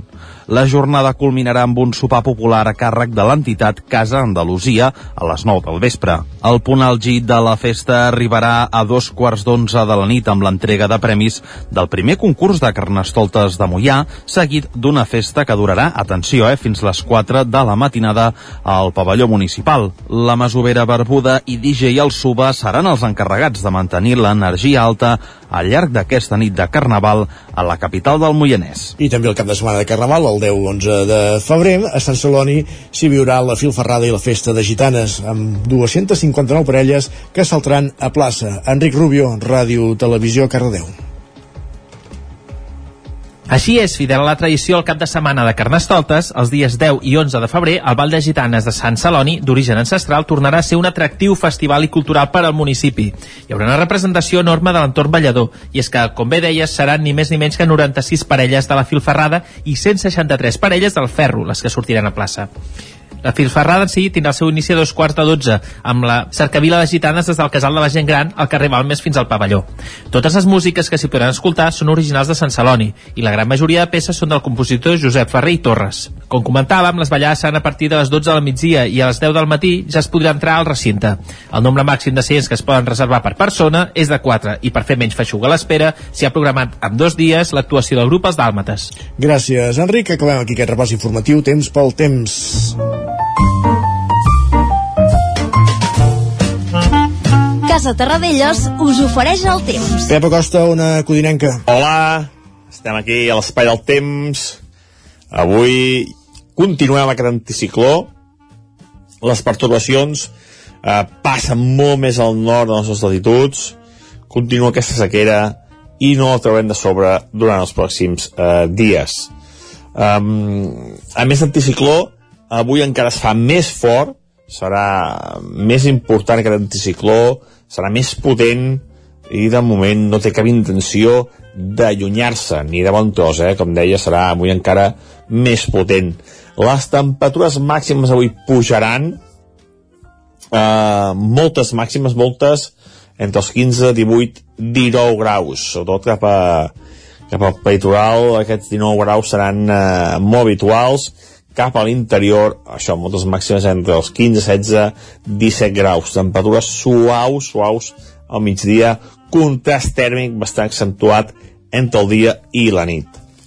Pel que fa a estat del cel, eh, molt de sol, algun núvol prim viatger que viatjarà amb, més pena que glòria, sense cap precipitació i novament vents molt febles, tot estancat, eh, contaminació, i no, no hi ha novetat, eh? No hi ha novetat. Uh, poder la setmana que ve es comença a veure alguna cosa, però bueno, queda moltíssim i els mapes encara poden uh, canviar també molt d'aquí a la setmana vinent. Veurem, veurem què acaba passant. El que està claríssim és això, eh? Avui, dia tranquil, migdies eh, amb les temperatures que pujaran, molts valors pròxims als 20 graus, un estancament eh, meteorològic eh, fruit d'aquest anticicló enorme que tenim a la península Ibèrica. Moltes gràcies i molt bon dijous. Adeu. Gràcies, Pep. Bon dijous. Moltes gràcies a tu. Ens retrobem demà. A veure com evoluciona la meteorologia. Casa Tarradellas us ha ofert aquest espai. Mig minut que passen d'un quart d'onze del matí. Temps per parlar de cuina al territori 17. Anem a la Foglen.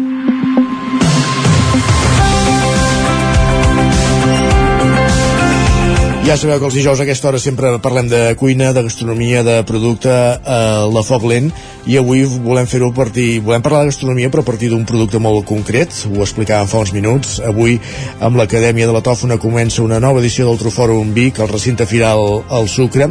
De fet, un dels protagonistes d'aquest Trofòrum un, hi participarà durant el cap de setmana és el cuiner Ignasi Camps de Cantoni Gros, de Cal Ignasi i avui ens acompanya aquí a, a la foc lent per parlar de, de la tòfona, de la tòfona a la cuina de la temporada de la tòfona en aquesta època de sequera una mica de tot plegat a l'entorn d'aquest diamant en brut de la cuina de la gastronomia. Ignasi Camps, benvingut, bon dia.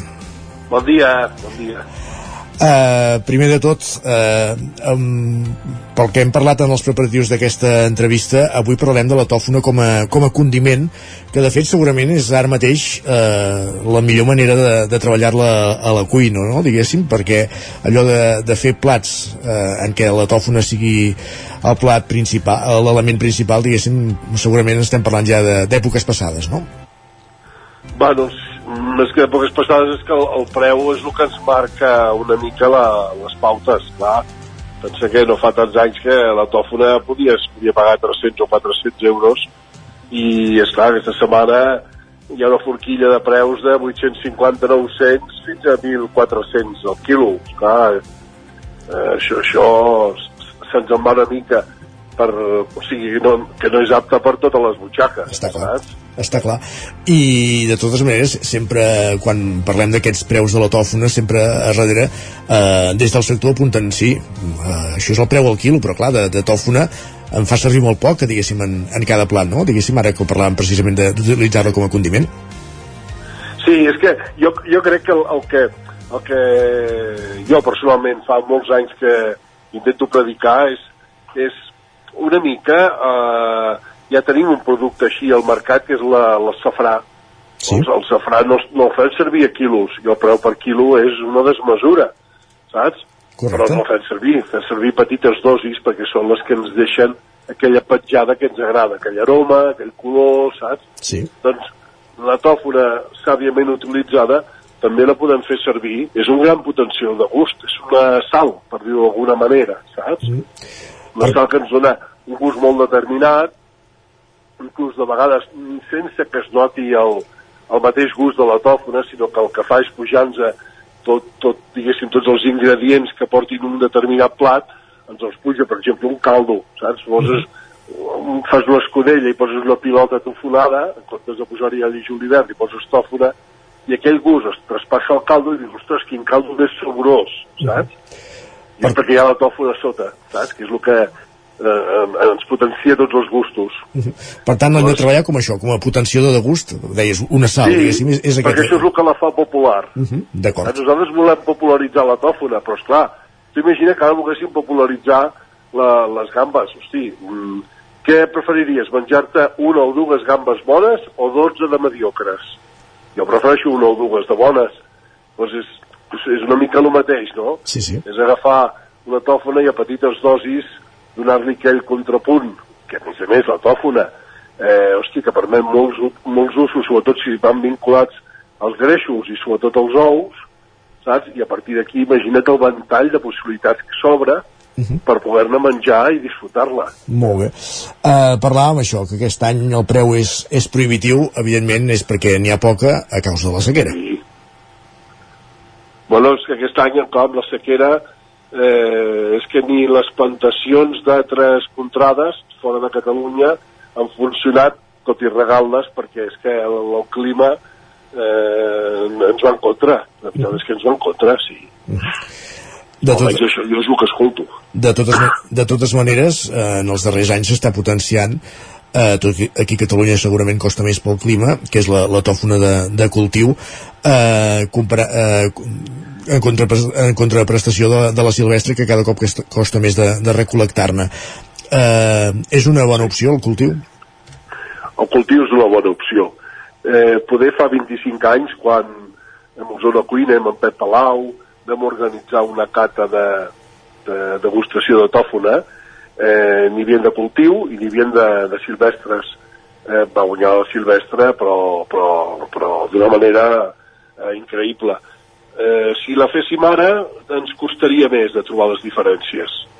Ens costaria més. Hi hauria de ser algú, eh, m'entens, amb, amb un nivell gustatiu molt alt, que no és la majoria de la gent, per, per trobar-hi, saps? Uh -huh. Per trobar-hi alguna cosa que la diferencies.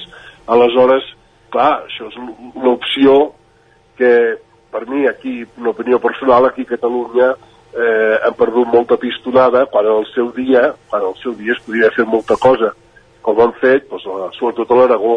A l'Aragó, esclar, la riquesa és la, ara són la capital de la tòfona de, del món, eh, més en, inclús amb més producció que França, i és perquè en el seu dia van saber apostar, van tenir visió de futur d'apostar per això i aquí imagina't amb la quantitat de territori que tenim que és mig erm i és bo per la tòfona podíem ara parlar d'una altra manera no? Uh -huh. però bueno, ens conformem amb el que tenim i la veritat és que això cada vegada va més hi ha aquesta gent de, del centre aquest de desenvolupament forestal que hi ha a Solsona que en Daniel Oliac al, al capdavant que està fent una feina enorme d'assessorament de petits productors i això a vegades si ens escolta gent doncs que diu, hosti, doncs mira, tinc uns camps o tinc un, un bosc abandonat o tinc...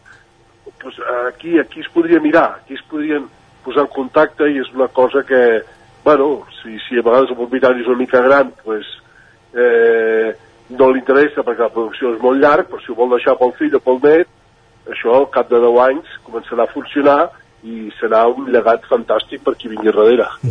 Ara que citaves a Daniel Olià, que alguna vegada li hem sentit dir que, que la, de tòfona silvestre pots arribar a trobar tòfones de, de 10, però clar, l'has de trobar, però que en canvi amb les tòfones de cultiu sempre trobaràs tòfones del mateix nivell, de 6, 7, diguéssim, sempre, sí. sempre estaran més equilibrades, no? Diguéssim, no hi, ha, no hi haurà tants alts i baixos. Ho Sí, comparteixes? però abans és de 4 a 5, saps? Entesos. Fa molts anys era... el tema no estava tan desenvolupat com ara. Uh -huh. I ara la veritat és que s'est- s'estan posant les piles amb, el, amb, la, amb les de cultiu. Home, jo no tinc un nas molt privilegiat, però eh, les havia diferenciat i ara no te les diferencio. Entesos, sí, sí. Doncs és una bona pista. I jo considero, doncs, de, de, de la gent que remenem una miqueta de tòfona, no considero els entesos, però, home, sí que tinc una experiència amb ella, saps? Sí, sí. Però imagina, la gent de carrer això mm, ni ho sap, ni, ni ho olora, ni ho sent, ni... saps? Uh -huh, està clar. Abans ens comentaves això, que, que és un potenciador, que sobretot eh, és una bona aliada per greixos i ous, eh, és aquí, eh, on podem si ara haguéssim de fer una, una elaboració amb tòfona, per exemple, aquest cap de setmana, que seràs al Trofòrum, què hi faràs, diguéssim, eh, amb la tòfona? Nosaltres hem fet una, una, un pa de fetge, Uh -huh. que també li pots dir un paté de muntanya, o, o un prensat, o una terrina, de, de, però no, que no porta fetge. El nom és, és el nom que, que té en català, Sí. aquest tipus d'elaboració, però no ho és, no, no, nosaltres no li posem fetge perquè és massa, massa fort. Llavors, eh, la fem en carns eh, greixoses, més aviat ventresques, de, de porc d'uroc, perquè és el que té més greix, i com que són porcs més grans, el greix és de més, de més bona qualitat. Llavors, eh, quina, què és el que té de bo la, la tòfona? Que la tòfona, eh, o sigui, el greix absor absorbeix el gust de la tòfona i llavors ja ens queda fixat a la carn, saps? Uh -huh. Per això la tòfona és tan bona, per exemple, també amb hamburgueses, sobretot si són de, de, de carns no fetes, de, de, de vaca o de, o de vedelles grans, o aquestes ara de guaigú, o de o aquestes races que també hi ha ara noves, no? La d'Angus, sí, sí. també. Clar, tu barreges tòfona amb, eh, amb això i se venen, però d'una manera fantàstica. Espectacular. Uh, el que sí I llavors l'ou, perquè clar, el rovell d'ou també és molt greixós i també l'ou absorbeix tu poses una dotzena d'ous amb una tòfona dins i a partir d'allà tu pots fer moltes coses pots fer una truita, pots fer els ferrats pots fer, pots fer inclús un pa de pessic, pots fer flams pots fer crema, tot, tot tindrà gust a tòfona I un últim apunt, eh, perquè eh, em comentaves aquesta setmana quan preparàvem l'entrevista, eh, aquest any, si venim a Cal Ignasi, evidentment menjarem plats amb tòfona, el que no hi trobarem, i diria que és el primer any en molts, que no feu el menú de tòfona. Bueno, és que el, el que no volíem, és, és clar, sí, primera, mm, hi ha dues coses que, que nosaltres ens han fet tirar enrere. Una és el preu, òbviament, no volíem fer un menú que passés de 100 euros perquè no és el nostre eh, estil de preus, saps? I aquesta era una. Llavors, que hem preferit fer un menú on hi hagi un parell de cosetes amb tòfona. Molt bé. I la segona és que el, el, el tema del tòfona és un tema complicat, perquè quan tu comences a menjar tòfona, la tòfona, té, com que té aquesta potència eh, tan forta, eh, atipa molt els sentits, saps? Llavors, Amafa. quan tu has menjat dos o tres coses amb tòfona, ja el sentit se'n va fer punyetes. Per mi, eh? Sí, sí. Opinió molt personal. Se'n va fer punyetes. Llavors, de què serveix que jo et fiqui sis plats amb tòfona i dos postres amb tòfona? Si ja no la notarem, saps? Està clar. Sí, sí, surts embafat. Queda, queda la boca com adormida, no? Correcte. Però, bueno, jo a vegades eh, aquests menús tenen un component més social que no realment gastronòmic. Entesos. Saps què vull dir? Sí, sí, perfectament. Ignasi, se'ns acaba el temps. Moltíssimes gràcies per ser avui aquí al Territori 17, a la Foc Lent, i ens veiem, si no és, tinc mal entès, és dissabte, que ets al Trofòrum? Sí, dissabte hi serem. Almenys una estona sí, perquè després al migdia jo haig de venir aquí a treballar, però Entesos. el, el matí i a la tarda hi seré. Doncs ens retrobem allà. Moltíssimes gràcies i que vagi molt bé. Bon dia. Molt bé, gràcies per comptar amb mi. Adéu. No faltaria. Uh, Ignasi Camps, de Cal Ignasi, pausa i tornem. El nou FM, la ràdio de casa, al 92.8. Menja ràpid, menja fàcil, el trinxat de les Cerdanyes, tio Carlit. Boníssim! Trinxat Carlit, 100% natural, fet cada dia a Puigcerdà i a punt en un minut. Encara et preguntes com t'ho faràs perquè els nens mengin verdura? El trinxat de les Cerdanyes, tio Carlit. Ho han dit avui, al 9FM? Ai, no ho he pas sentit. Tot té solució.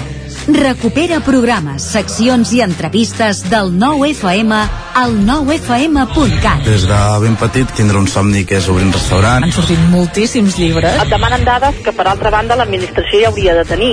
I ja no com a ramadera, sinó com a ciutadans. Nosaltres intentem que tothom pugui marxar amb un croissant. I trobaràs també tots els nostres podcasts. L'infopodcast del 9-9, cada matí a partir de dos quarts de vuit. I comencem parlant d'un tema punyent. Persones que passen per moments de gran dolor. L'infopodcast del 9-9. La lupa d'Agustí Danés cada divendres. La lupa. Agustí Danés. Els aniversaris. Cada vegada vivim més anys i cada vegada hi ha menys naixements. La combinació d'aquestes dues evidències distorsiona la piràmide d'edat. Paraula d'enfruns, el nostre podcast de llengua cada dimecres. Quan escoltem ho fem voluntàriament i en canvi sentir, podem sentir moltes coses encara que nosaltres no vulguem. Bruixes del dia, el podcast de dones i bruixes de Laura Centelles i Maria Saladic. Estàs escoltant Bruixes del dia. La meva relació amb la mort és totalment diferent, perquè jo morts, diguéssim, físiques d'un cos, n'he vist crec que una a la meva vida. Feeling de 5, l'actualitat de casa nostra en anglès. Hello and welcome to Filling the Sink, a podcast from Catalan News.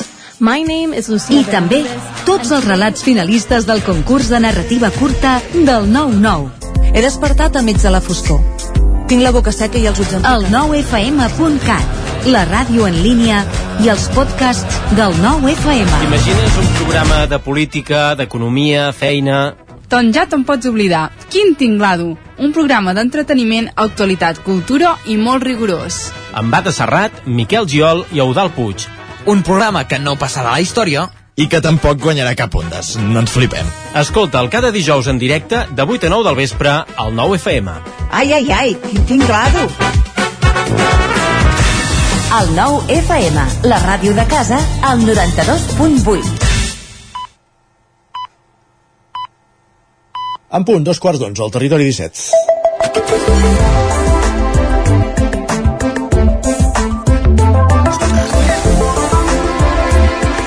I ara al territori 17 és temps pel Twitter, per les piolades. Guillem Sánchez, benvinguts. Bon dia. Bon dia, com estem? Bé, i tu? Doncs mira, amb energia per afrontar aquest dijous. 1 de febrer ja, eh? 1 Més energia tindràs dijous vinent, que és dijous llarder. Dijous llarder, dijous de pollasso, dijous de tot. S'acaba el món, s'acaba el món el dia, el dia 8. Molt bé. Atenció, Isaac, al que ens deia aquesta usuària fa uns minuts, just quan s'havia acabat de despertar. Ja. Ens diu, avui en vestir-me m'he tornat a posar la part de dalt del pijama. A la vida tot són senyals. Dins del llit s'hi està, s'hi està molt i molt bé. O potser és, que és un el pijama, potser és que és un pijama molt maco i agradable. I O potser és que avui li tocava anar a la feina amb el pijama per les consignes del Carnestoltes, tampoc ho sabem. Aquesta és una altra. Va, ben d'hora al matí l'Anna també ja ens ha escrit per xarxes i ens diu i d'aquest senyor de la brigada que talla herbetes des de dos quarts de set del matí amb una màquina que fa el soroll d'una moto de cursa refredada, què anem de fer? Doncs aguantar-te, perquè és que no, no hi ha pas remei, no? Guardiola deia que els països l'aixequen els que es lleven molt d'hora, molt d'hora, molt d'hora, com aquest jardiner. Però no sé si fer soroll a dos quarts de set del matí et permet eh, assolir reptes o objectius vitals imprescindibles per seguir, no sé... Tens la tarda lliure per mirar Netflix. Què més vols? Va, el que sí que hem solucionat és una rèmora que portàvem molts dies comentant, llegim a la Carmen, que ens escriu Bon dia, felicitem-nos per haver sobreviscut al gener interminable. Ànims amb el febrer, que només, entre cometes, té 29 dies. Hem de traspàs, eh? Això recordem-ho. Correcte. I una recomanació d'en Pau, avui també en diu. Aquest Conec, febrer... conec algú, ara que dius anys de traspàs, conec algú que va néixer el 29 de febrer, que per tant només celebra l'aniversari un cop cada 4 anys. Pedro Sánchez. Ah, sí? Pedro Sánchez és el 29 de Imagina't. febrer. En conec dos, doncs. doncs mira, i una recomanació d'en Pau també diu aquest febrer s'ha d'anar molt al teatre, s'hi fan coses molt bones. Ah, sí? Home, al febrer, al març, suposo Exacte. que a tot arreu se n'hi Sí, deuen sí. fer moltes, no? Mentre no vagis a veure l'Àngel Llàcer, vés a veure el que Va, i ahir, i ahir l'Eric ens piulava això, diu sortint de la feina amb la intenció clara d'estudiar. Ja ha hagut de sortir l'amic que m'ha dit d'anar a veure el futbol i a sopar. No he pogut dir que no. Existeix un tipus de persona que s'agafa ràpidament... Aviam, aviam, aviam, aviam, aviam. Ahir el futbol, eh, el partit era a les 7 de la tarda. Però també hi havia futbol a les 9, que hi havia un Liverpool-Chelsea, Ah, a les 9 hi ah, havia sí, un sí, Atlético sí, de ja, Madrid-Rayo. Vallecano, Sí, sí. jugava el Barça femení també a les 9 del vespre. però vull dir que, si si, si era, mirar el futbol moltes vegades s'associen a veure el Barça, a les 9 podia ser casa sopar tranquil·lament. Eh? No, no, no, no posem l'excusa de... Però fixa't que ens diu, existeix un tipus de persona que s'agafa ràpidament a l'excusa per no haver de fer la feina, i jo sóc d'aquest equip, cas, cas Omdena. Doncs mira, evidentment. Va, i una bona aportació d'en Jaume amb un to una mica irònic, diria, Ja, diu. Jaume. Ja es noten els jugadors més alliberats. Vitor, Vitor Roque, marca gols i tot, ja. Per exemple, i en Jordi també ens ho confirmava, eh? ens diu estava convençut que avui veuríem un gran partit del Barça i una victòria plàcida. Definitivament esperava massa dels jugadors. Molt bé. És que ens fem il·lusions a vegades també massa, massa ràpid, eh? Avui n'hi havia un que, que recordava, comparava l'equip d'aquesta temporada amb el del 2002, amb Cocu, Giovanni Van Broscos i... i Cristian Bal, Cristian Bal, sí, sí. I tota aquesta, i tota aquesta prosa. Recordes d'allò, també, I eh? tant. Va, i parlem de dades, sisplau. Uh, ens diuen Vitor Roque igual als gols de Dembélé a la temporada 23-24. Això també és cert. Això també és cert. I atenció al missatge de la Marta, lligat amb el futbol, també ens diu hi ha uns nanos al tren convençuts que hi ha un jugador del primer equip del Barça al tren. Diu, sí, clar, carinyo, hi haurà un multimilionari atrapat en un tren de rodalies aturat amb un gat un dimecres de la nit. Sí, és clar. És el més probable. És el més probable. No, de fet, mira, potser és algun jugador que té aquesta debilitat pels trens i... Ostres, seria molt fort, eh? Molt. Que ens, que ens escrigui, que ens truqui que ens, ho, i que ens ho expliqui. De fet, li respon l'Aina i ens diu i no et sembla bonic que encara preservin aquesta ingenuïtat? Total. Total. Tot això ha de dir que respon ella també i li diu que els nanos ja voregen també la majoria d'edat. Per tant, no sé si és ingenuïtat o, o una O- altra... o una altra cosa. Va, i canviant de tema, què respondries a aquest missatge que hem pogut veure avui per xarxes? Ens diu, trobo que hi ha pocs true crime amb professors d'autoescola com a protagonistes i m'estranya molt qualsevol professió pot ser susceptible a... Pobres professors d'autoescola que us han fet ara. No ho sé. Ah. No ho sé. En aquest potser va tenir una mala experiència a l'hora d'anar a l'autoescola. Va, i acabarem amb una reflexió de l'Albert, que ens diu avui quan parlo dels amics de Twitter, de seguida em salta a sobre algú que em recrimina que aquests amics no són reals, que són virtuals. Però quan li contesto que els últims 6 o 7 anys he fet més dinars i sopars amb els de Twitter que amb els altres, calla de cop. Esclar. Una gran família, com sempre. Twitter. I tant. És que Twitter té coses molt bones. En té de molt I dolentes. altres de molt dolentes, també. No, sé, no sé quin dels dos guanya, eh? També t'ho Però en té de molt bones, i tant. Doncs va, ho seguirem defensant per seguir fent secció, no? Com a mínim fins Com a final mínim. de temporada. Que mínim que sigui així. Gràcies, Guillem. Que vagi molt bé, Isaac. Fins de, demà o dilluns. Després en parlem. Va. M'ho confirmes, va. Entesos, fins ara. Adéu-siau. I acabem aquí la secció que dediquem a X, a Twitter amb en Guillem Sánchez. Tot seguit serà moment al territori 17 d'anar cap al cinema.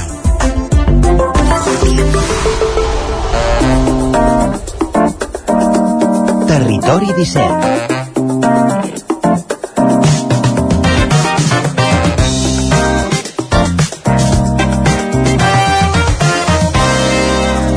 I al cinema hi anem cada dijous de la mà d'en Joan Garcia i en Gerard Fosses des de la veu de Sant Joan. Amb ells repassem les estrenes de la setmana i les novetats de les cartelleres dels cinemes de casa nostra. Anem cap allà.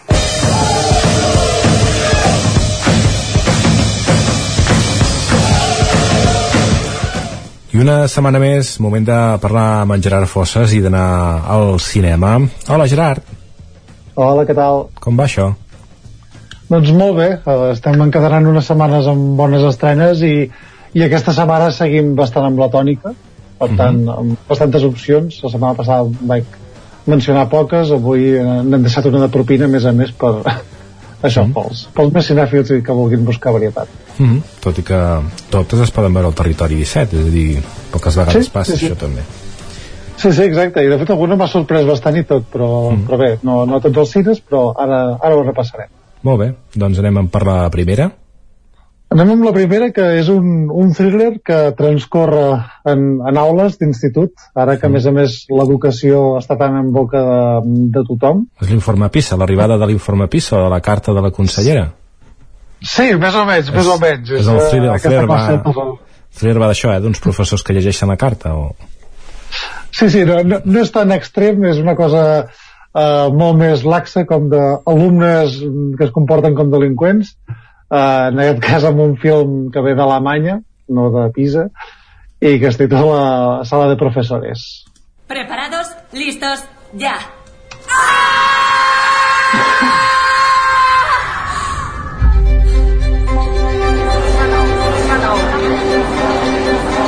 Ahora prestadme todos mucha atención. Nos gustaría echarle un vistazo a vuestras carteras. Por supuesto, es totalmente voluntario, pero si no tenéis nada que esconder, no hay de qué preocuparse. Puedo entender su indignación, pero no sabe cuánto tiempo llevamos lidiando con esto. Tenemos a alguien en el instituto que roba todo tipo de cosas sin ton ni son. En nuestro colegio seguimos la política. Molt bé, doncs ja ho veiem, hi ha en aquesta escola un nen que roba coses. Mm -hmm. Sí, efectivament, i tot i així, eh, i hi ha aquest nen que, que està fent de lladre, ha la, la protagonista és una professora, que és la, la típica professora així més jove, més motivada, amb ganes de, de canviar les coses, i és una mica la, la història de, de la seva mediació d'aquest conflicte entre el nen, um, els pares, els, els companys de, de, de l'institut, els seus companys professors, altres estudiants, Uh, és com a partir d'un conflicte que podria ser més o menys insignificant doncs com es generen altres coses no? i de fet eh, és una pel·lícula que, que posa com en avaluació la societat en aquest terreny on, on realment les persones doncs, comencen a formar-se per, per la vida adulta o com a mínim així a priori s'entén que hauria de ser eh, doncs ens col·loca en aquest territori d'impàs doncs, per avaluar eh, tot de, de diferents coses que passen i com les decisions més petites doncs acaben tenint repercussions importants. Uh, no és una pel·lícula que, que, que tingui una voluntat pedagògica ni d'anàlisi ni res, sinó és, és un retrat um, realment molt, molt fidedigne i amb una visió molt interessant d'això, de, de com ens construïm com a societat, sobretot en aquesta era que, que hi ha tantíssimes coses, no? Com això, la, les xarxes socials, les notícies falses, una caiguda general de, de, del rendiment acadèmic, eh, deficiències en la interacció humana, també provocades per, per la tecnologia. Uh -huh. Vull que al final que aglutina molts temes eh, per parlar doncs, de, de coses molt transcendentals, eh, però la pel·lícula en si eh, és bàsicament un thriller, per tant és una pel·lícula així més aviat tensa, emocionant, amb, amb girs de guió i que cinematogràficament funciona molt bé però això, que parla de temes molt importants i per això crec que és, és molt recomanable anar-la a veure perquè a part és això, és disfrutable a tots els nivells. Molt bé, pel·lícula que podem veure al cinema Sucre de, de Vic i anem per la següent, que la podem veure tant al Sucre de Vic com al cine de Granollers Sí, que estem sorprèn perquè és com una gran aposta de, de les multisales per aquest cap de setmana.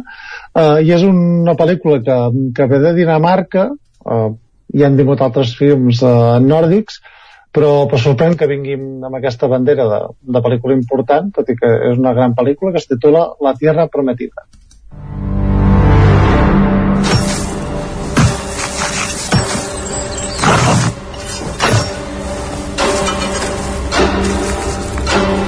Ludwig Kallen, bienvenido a Hal Manor. ¿Quiere cultivar el páramo? Quiero crear el primer asentamiento del rey. Está haciendo un trabajo magnífico. Esto empieza a cobrar vida. El páramo es la creación de Dios en todo su esplendor. ¿Por qué castrar a una bestia salvaje que quiere ser libre? Dios puso al hombre en la tierra para crear la civilización. Molt bé, explica'ns una mica, perquè veiem que Dios és aquest senyor ha vingut a fer una feina, però no, no és tot tan fàcil, eh? Exacte. Uh, en aquest cas ens situem al, al segle XVIII, uh, a Dinamarca, uh, i és una història de, de lluita entre terratinents, entre una persona que vol conquerir un territori, un terratinent, uh, i crear una colònia en nom del rei, contra un terratinent que ja viu allà que creu que aquella terra per dret és seva. Sí. Uh -huh. Uh, bé, és el, això, un film d'aquests històric amb, amb caràcter de, de western o aromes de western i això, és un duel de, de, de caràcters, d'individus, de, de, de lluita pel poder uh, i és una d'aquelles pel·lícules que no es fan molt uh, avui en dia, potser eren més habituals fa anys però que ho engloben una mica de tot, no? el drama històric, l'art, um, històries de palau, um, història romàntica, violència... Però bé, tot narrat d'una manera molt moderna i sobretot encapçalat per aquest uh, Mats Mikkelsen, que és un actor fantàstic i que tenir-lo com a protagonista sempre és una, una gran garantia. Uh, funciona una mica com, com un revers també del, del western aquest de, de Liberty Balance sobre Mm, la veritat i la mentida del que s'ha explicat i del que ha arribat en el futur i com això ha creat un discurs històric i bé, és una pel·lícula que a tots els nivells això funciona la, la mar de bé i d'aquelles que en dirien que són molt completes eh, en general, o sigui és, és quasi bé sorprenent que no hagi tingut més recorregut tot mm -hmm. i que va ser una pel·lícula que va estar al Festival de Venècia, va estar al Festival de Sevilla, uh, està nominada als, als Premis del Cine Europeu, uh, però bé, sembla que pot ser que funcioni millor entre el públic que, que el que és el que creu la, la pròpia distribuïdora que, que, això, que va presentar els premis, o fins i tot entre la crítica, tot i que n'ha tingut molt bones. Molt bé, com dèiem, pel·lícula que podeu veure el Sucre i els de Cine, i la següent també, també doblet, i aquesta és obvi, no?, perquè és d'aquestes més mediàtiques, no? Sí, exacte, és la nova pel·lícula de, de Matthew Vaughn, eh, director de, de Kingsman, de X-Men, entre altres, i que torna amb una pel·lícula d'acció, de comèdia, thriller, amb, amb personatges així més eh, reconeguts, i és un film també, entre cometes, d'espies que es titula Argyle.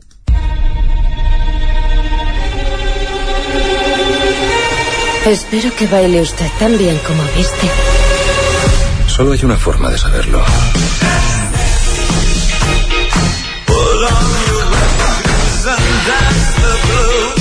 Usted y yo somos iguales.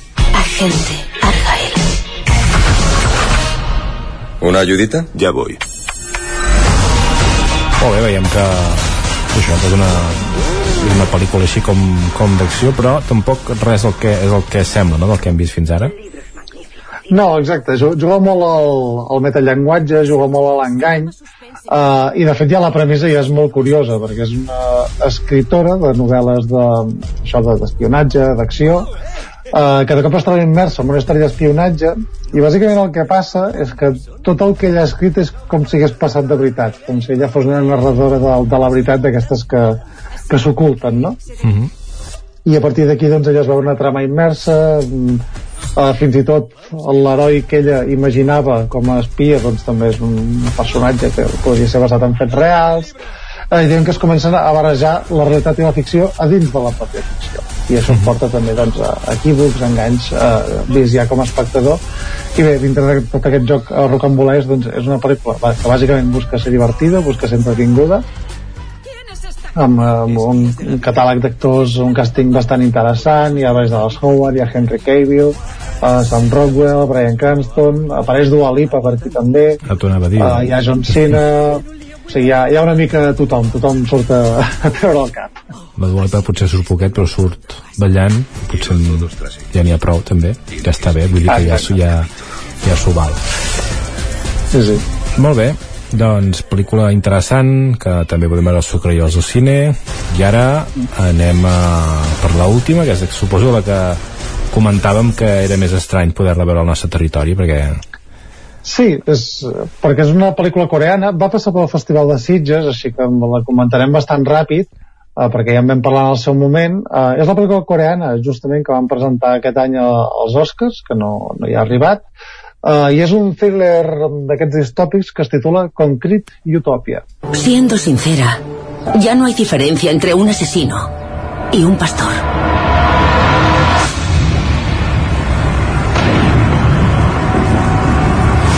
Es el exterior? Un infierno. no sé, explica't tu perquè aquesta ja és més conceptual com a mínim el trava i no, no entenem gaire de què va Sí, doncs, bueno, és una mica conceptual el plantejament, però realment és molt simple perquè és, uh, hi ha hagut un, un, ter un terratrèmol que ha ha arrasat Seul, i, i Seul, la ciutat de Seul, i, i l'únic que ha quedat en peu doncs, és un edifici d'apartaments uh, que és de, que és d'autèntic luxe. I només uh, si queda, bueno, només queda viva o, o part dels supervivents són la gent que viu allà, la resta es queden doncs, visquent a, a les ruïnes. I bàsicament el que planteja és una situació de, de lluita de classes a dintre un món on tothom és de classe alta i en unes condicions precàries.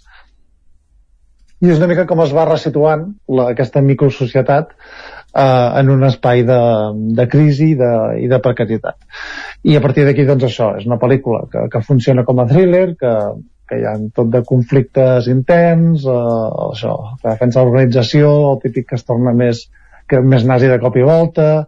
Um, bé, diguem que tot, tots els papers de l'AUCA per retratar una societat que s'enfonsa i on el, el paper de l'ésser humà doncs, cada cop queda més en, en entredit. Uh, és això, un film molt, molt intens i, i també interessant perquè intenta com reflexar una mica a través d'una metàfora doncs, el, el món el qual vivim i sobretot aquesta idea de, de la lluita de classes on al final sempre els rics acaben sent més rics i els pobres més pobres. Molt bé, res nou per tant que res nou, no, no, no, és, no, no són les notícies. Seguim amb la resta de la cartellera i amb això acabarem fem un repàs ràpid al cinema comtal de Ripoll les colores de l'incendio i el mestre que va prometre al mar. Sí, el mestre que va prometre al mar es va mantenir en cartellera, cosa que, que celebrem molt, i Los colores de l'incendio és un film francès que, se, que parla d'una història real eh, així, en el període d'entreguerres eh, en el qual això, una, una dona que hereda un imperi financer en un món governat per homes, no? I és una història així de com de la seva lluita per, per fer-se el lloc en, en aquest món tan masculí. El casal Camprodoní, Anatomia, Anatomia d'una caïda, Sí, que és el, aquest film francès que també ha estat uh, molt nominat al, als Oscars i és una oportunitat nova per anar-la veient i ara com l'aniràs repassant uh, tenim tota una sèrie de pel·lícules molt bones que per tant les recomanem molt mm -hmm. Com dèiem, no? després dels Oscars sempre hi ha pel·lícules que, que repeteixen o que tornen als cinemes és el cas de, de Perfect Days no? que es podrà veure al cinema Catalunya de Ribes a l'Esbarjo de Cardedeu i també al cine L'Ambra de la Garriga Sí, és, és una pel·lícula que crec que ha funcionat més a través del boca-orella, de la gent que l'ha anat a veure i, i de com s'emplen les sales cada vegada més, eh, que no pas per, per la seva nominació als premis, on sí que ha tingut alguna nominació, però tampoc és que hagi tingut moltíssima presència, però és una pel·lícula tan entranyable que, que és tan fàcil que agradi a tothom que, que ara la trobem a tots els cinemes. Mm -hmm. Com dèiem, també es pot veure al cinema l'Ambra de la Garriga, on també es pot eh, escollir Pobres criatures, Anatomia d'una caïda i el mestre que va prometre al mar. No sé si vols afegir sí, per tant, cosa sigui, és, no, però ja n'hem parlat per tant és tot un catàleg de quatre pel·lícules fantàstiques per mm -hmm. tant, eh, endavant. El Ter de Torelló, Tori i Loquita. Sí, aquesta és una pel·lícula que crec que en vam parlar quan, quan es va estrenar, uh, la vam tenir a l'últim festival protesta que es va celebrar a Vic, i és una pel·lícula de, dels germans d'Arden que parla sobre eh, dos germans en, que arriben a, a França en aquest context d'immigració sense tutelatge d'adults i les dificultats que afronten. O sigui, és una pel·lícula fantàstica i alhora duríssima que, que també recomanem. I per últim, el Cineclub de Vic, ja dimarts de la setmana que ve, Joyland.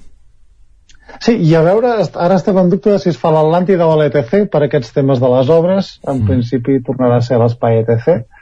Uh, però bé, aquesta és una pel·lícula que, que ve del Pakistan, un, un país així molt, molt exòtic i poc, poc habitual almenys aquí amb el nostre cinema. I és la història d'un noi que, que diguem que se salta una mica les regles familiars i els valors familiars eh, perquè vol eh, entrar a formar part d'una companyia teatral de, de dansa eròtica el qual també s'enamora d'una dona trans i parla sobre, sobre això, sobre la diversitat eh, sexual i de gènere en, en una societat doncs, més tancada com en aquest cas és la pakistaní. Molt bé Gerard, doncs moltíssimes gràcies, una setmana més i, i ens escoltem la setmana vinent. I tant, fins la setmana que ve amb més estrenes i esperem que mantenint el nivell. Territori 17 mantenir-lo i superar-lo al nivell que ho feu cada setmana, Gerard i Joan. Moltíssimes gràcies. Temps ara al Territori 17 en aquesta recta final del programa de parlar de sèries.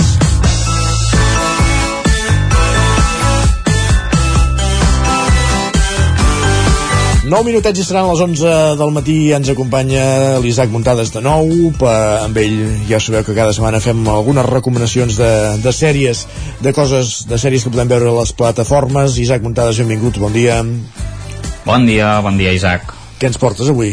Què ens recomanes? Don, doncs mira, avui us portaré una sèrie de Netflix que es diu Desencanto. Ja fa un temps que l'he vist i, i està molt bé. És una sèrie d'animació per, per adults, eh, creat per al dibuixant de, dels Estats Units, Matt Groening, que és, segurament el nom us sona perquè és la persona que també va crear el Simpson. Ah. Per tant, ja us podeu imaginar quin és el tipus de, de dibuix de, que, que podem veure en aquesta sèrie de dibuixos animats. I a més a més és una sèrie que et recorda els Simpsons d'alguna manera perquè és una sèrie amb un humor àcid eh, tragicomèdia en, en punts també que fins i tot hi, hi, hi apareix el drama però sobretot doncs molts, molts acudits eh, molt d'humor negre molt, vull dir que això sí que és, és una sèrie que no és políticament correcta per tant segurament no a tothom li agradarà però realment eh, és, és molt divertida de què va aquesta sèrie? que per cert hem de dir que té 5 temporades per tant no, no és curta sí. de 10 episodis cada una. Això són, són 50 capítols. I, i bàsicament per això són capítols curtets eh? n'hi ha que duren 20 minuts i n'hi ha que estan cap a la mitja hora i molt pocs sobrepassen la mitja hora. Això sí que, que us hem de dir, per tant es poden doncs és fàcil de veure, m'agraden aquestes sèries que són fàcils de veure sí, sí, sí, i realment t'enganxes eh Isaac, perquè sembla que, ostres, comences a mirar i, i, tu, i tu passes molt bé i rius molt, molt de què va la sèrie? A veure, perquè ens entenguem. Uh, està ambientat això en un regne medieval, que es diu Utopia, sí. vale? uh, Dreamland en aquest cas, i aquí uh, explica una mica la història de la princesa Bean, que, que té dues característiques bàsiques. Una és, com, com ja us podria imaginar, és una princesa que és molt rebel, que passa de tot, que li agrada de tot menys vestir-se de princesa, fer les coses que han de fer les princeses, que és casar-se amb un príncep, governar, això és el de menys. A ella li importa en altres coses, com per exemple anar al bar. És molt alcohòlica. Aquest és un dels, de, dels seus principals uh, problemes. I, també, i... també és molt de princeses, eh, això? De... També és molt de, de princeses, de, de, sí. De viure, de viure la vida, sí, sí. Sí, de princeses I, i de, de conte no. I, I de prínceps i de reis, sí, sí, està clar. Exacte, exacte. De conte no, eh, per això, la realitat sí que potser estaria estaria més, uh, estaria, estaria més amb tu, eh? Doncs què, què li passa a aquesta princesa? Doncs uh, coneix uh, un, un nom, un, uh Mhm. -huh. és, un, és un duende, eh, però en català és, és nom, sí. uh, que, follet, que es diu Elfo. Un follet. Exacte que, que de fet són, són elfos, eh? realment són elfs. Uh, el que passa és que bueno, uh, allà hi ha una mica de barreja bastant espectacular. I després també uh, una, un altre membre de la seva tropa és un dimoni que es diu Lucy, que l'acompanya a tot arreu. I, i, I bàsicament la sèrie narra les aventures de, de la Vin, l'Elfo i la Lucy que han de salvar una mica Utopia de, de les mans de, de la seva... Bueno, de la reina Dagmar, que és la mare de la Vin i, i al llarg de cinc temporades doncs, eh, bueno, es veu aquesta relació també amb el pare de la Vin, amb, amb els eh, súbdits, amb moltes eh, històries, moltes aventures que, que protagonitzen. I, i el regne ens hem d'imaginar medieval però, té, però hi ha parts del món doncs, que, no, que estan més avançades tecnològicament. Vull dir que és, és un regne medieval amb, amb tocs de modernitat per dir-ho d'alguna manera. I, i bueno, això és ja et dic, és una sèrie que està molt bé i que riureu molt i que és a Netflix i, i ja es va estrenar el 2018 eh? vull dir, tampoc és una sèrie relativament recent però que realment eh, fa molta gràcia molt bé, doncs Desencanto, una de les recomanacions, les recomanacions avui l'Isaac Muntades, una sèrie que podem trobar a Netflix. Eh, tenim temps per alguna altra recomanació? En tens més a la cartera o no? Sí, sí, en tinc una altra. Eh, tampoc la volia eh, perquè no l'he acabat de veure ara, el que passa sí. que en el seu moment sí que la devia més o menys veure tota, però, però segurament però no tots una... els capítols, podem fer que és... A, a, sí. Exacte, que, que és una sèrie que la coneixereu tots uh, segur que tu n'has vist algun capítol Isaac i ara que l'estic mirant i també ara quedaré molt malament, eh, ja ho veig digues. no, segur que l'has vista, Quina i en viva uh, ah sí, clar algun capítol Home, aquesta vist. sèrie sí, és, sí. és molt mítica i també la podeu trobar a Netflix és una sèrie que sembla que estava en Antena 3 si no recordo malament, sí, en el sí, seu sí, moment es va emetre sí. Per, uh, per Antena 3 i, i bueno, té com sis temporades vull dir que Només? podeu anar sí, sí, sí, la veritat perquè la que en té més és la que s'avecina ah, clar, que és que la, és la, conti seqüela, que és sí, la sí. continuació exacta, que em sembla que ja em porta més de poder 15 em porta, no sé, una barbaritat i aquí en el Camí té 90 capítols vull dir que són capítols d'una hora que pots anar fent i bueno, ja sabeu que parla d'una comunitat de veïns en què hi passen desgràcies cada, cada dia no? i que tenen problemes i que els han de solucionar i bueno, la típica uh, sèrie bueno, d'aquestes divertides no? Um, que, que, que, que enganxa perquè fa molt, fa molt de riure les són situacions d'aquelles que, són que es que, produeixen. que, que, com que no has de pensar fas, fan de bon veure quan no tens ganes de fer absolutament res t'asseus al sofà t'enfons al sofà i poses un capítol d'aquests, sí, realment. Exacte, quan, aquesta... quan no vols veure res sí, sí, totalment d'acord. quan no vols veure res així de pensar, és una sèrie que realment entra molt, molt bé i bueno, no, realment l'he tornat a començar i, i, i vaig per la segona temporada eh? vull dir, fa, ja fa dies i, i, i m'ho prenc amb calma i espero que la setmana següent us pugui portar alguna altra sèrie d'aquestes ara ara com que m'he enganxat una mica aquí a Viva no estic mirant d'altres sèries Carai. però sí que en tinc alguna que, que vull veure i bueno Però això és molt fric, eh? perquè és, és, és com una inversió 20 anys enrere, pràcticament, aquesta. Sí, sí, i realment jo l'havia vista i he de dir que les les primeres dues temporades, que és les que ara he vist ràpidament, uh, um, estan molt bé, vull dir, són molt divertides. Jo crec que a mesura que avança és pitjor la sèrie, és a dir, Sí, el, jo crec que que l'última temporada o així normal no crec que sigui tan bona com les primeres. Quan ja estires a, veure, molt, a veure què tal. Quan ja estires molt les trames i els personatges Mm. i apareixen, ja has d'anar a buscar I el personatge més friqui. Sí, sí. La cosa Sí, sí. és cert que, que, eh, empitjora, degenera, sí, eh? degenera molt. Sí, sí. sí. Doncs res, Isaac, moltíssimes gràcies una, un dijous més per parlar-nos de, de sèries aquí al Territori 17 amb aquestes dues recomanacions de Encanto i, i allò quan no tens res millor fet tornar a veure Qui no i Quin viva. Moltíssimes gràcies per ser avui, avui aquí amb nosaltres ens retrobem demà com no. Pot ser d'altra manera al Territori 17 Fins demà, doncs. Doncs amb l'Isaac Montades, amb les recomanacions de sèries, amb aquesta darrera mitja hora del programa que dediquem a la ficció, que veiem al Territori 17 d'avui, 1 de febrer de 2024. Hem començat ja el mes de febrer i hem completat, hem completat ja el primer Territori 17 d'aquest segon mes de l'any. Us hem acompanyat des de les 9 del matí Roger Rams, Enric Rubio, Pepa Costa, Guillem Sánchez, Gerard Fossa, Joan Garcia, Isaac Muntada, Sergi Vives i Isaac Moreno. L'equip del Territori 17 i tornem demà a partir de les 9 del matí. Fins aleshores, molt bon dijous a tothom i gràcies per ser-hi. Adéu-siau.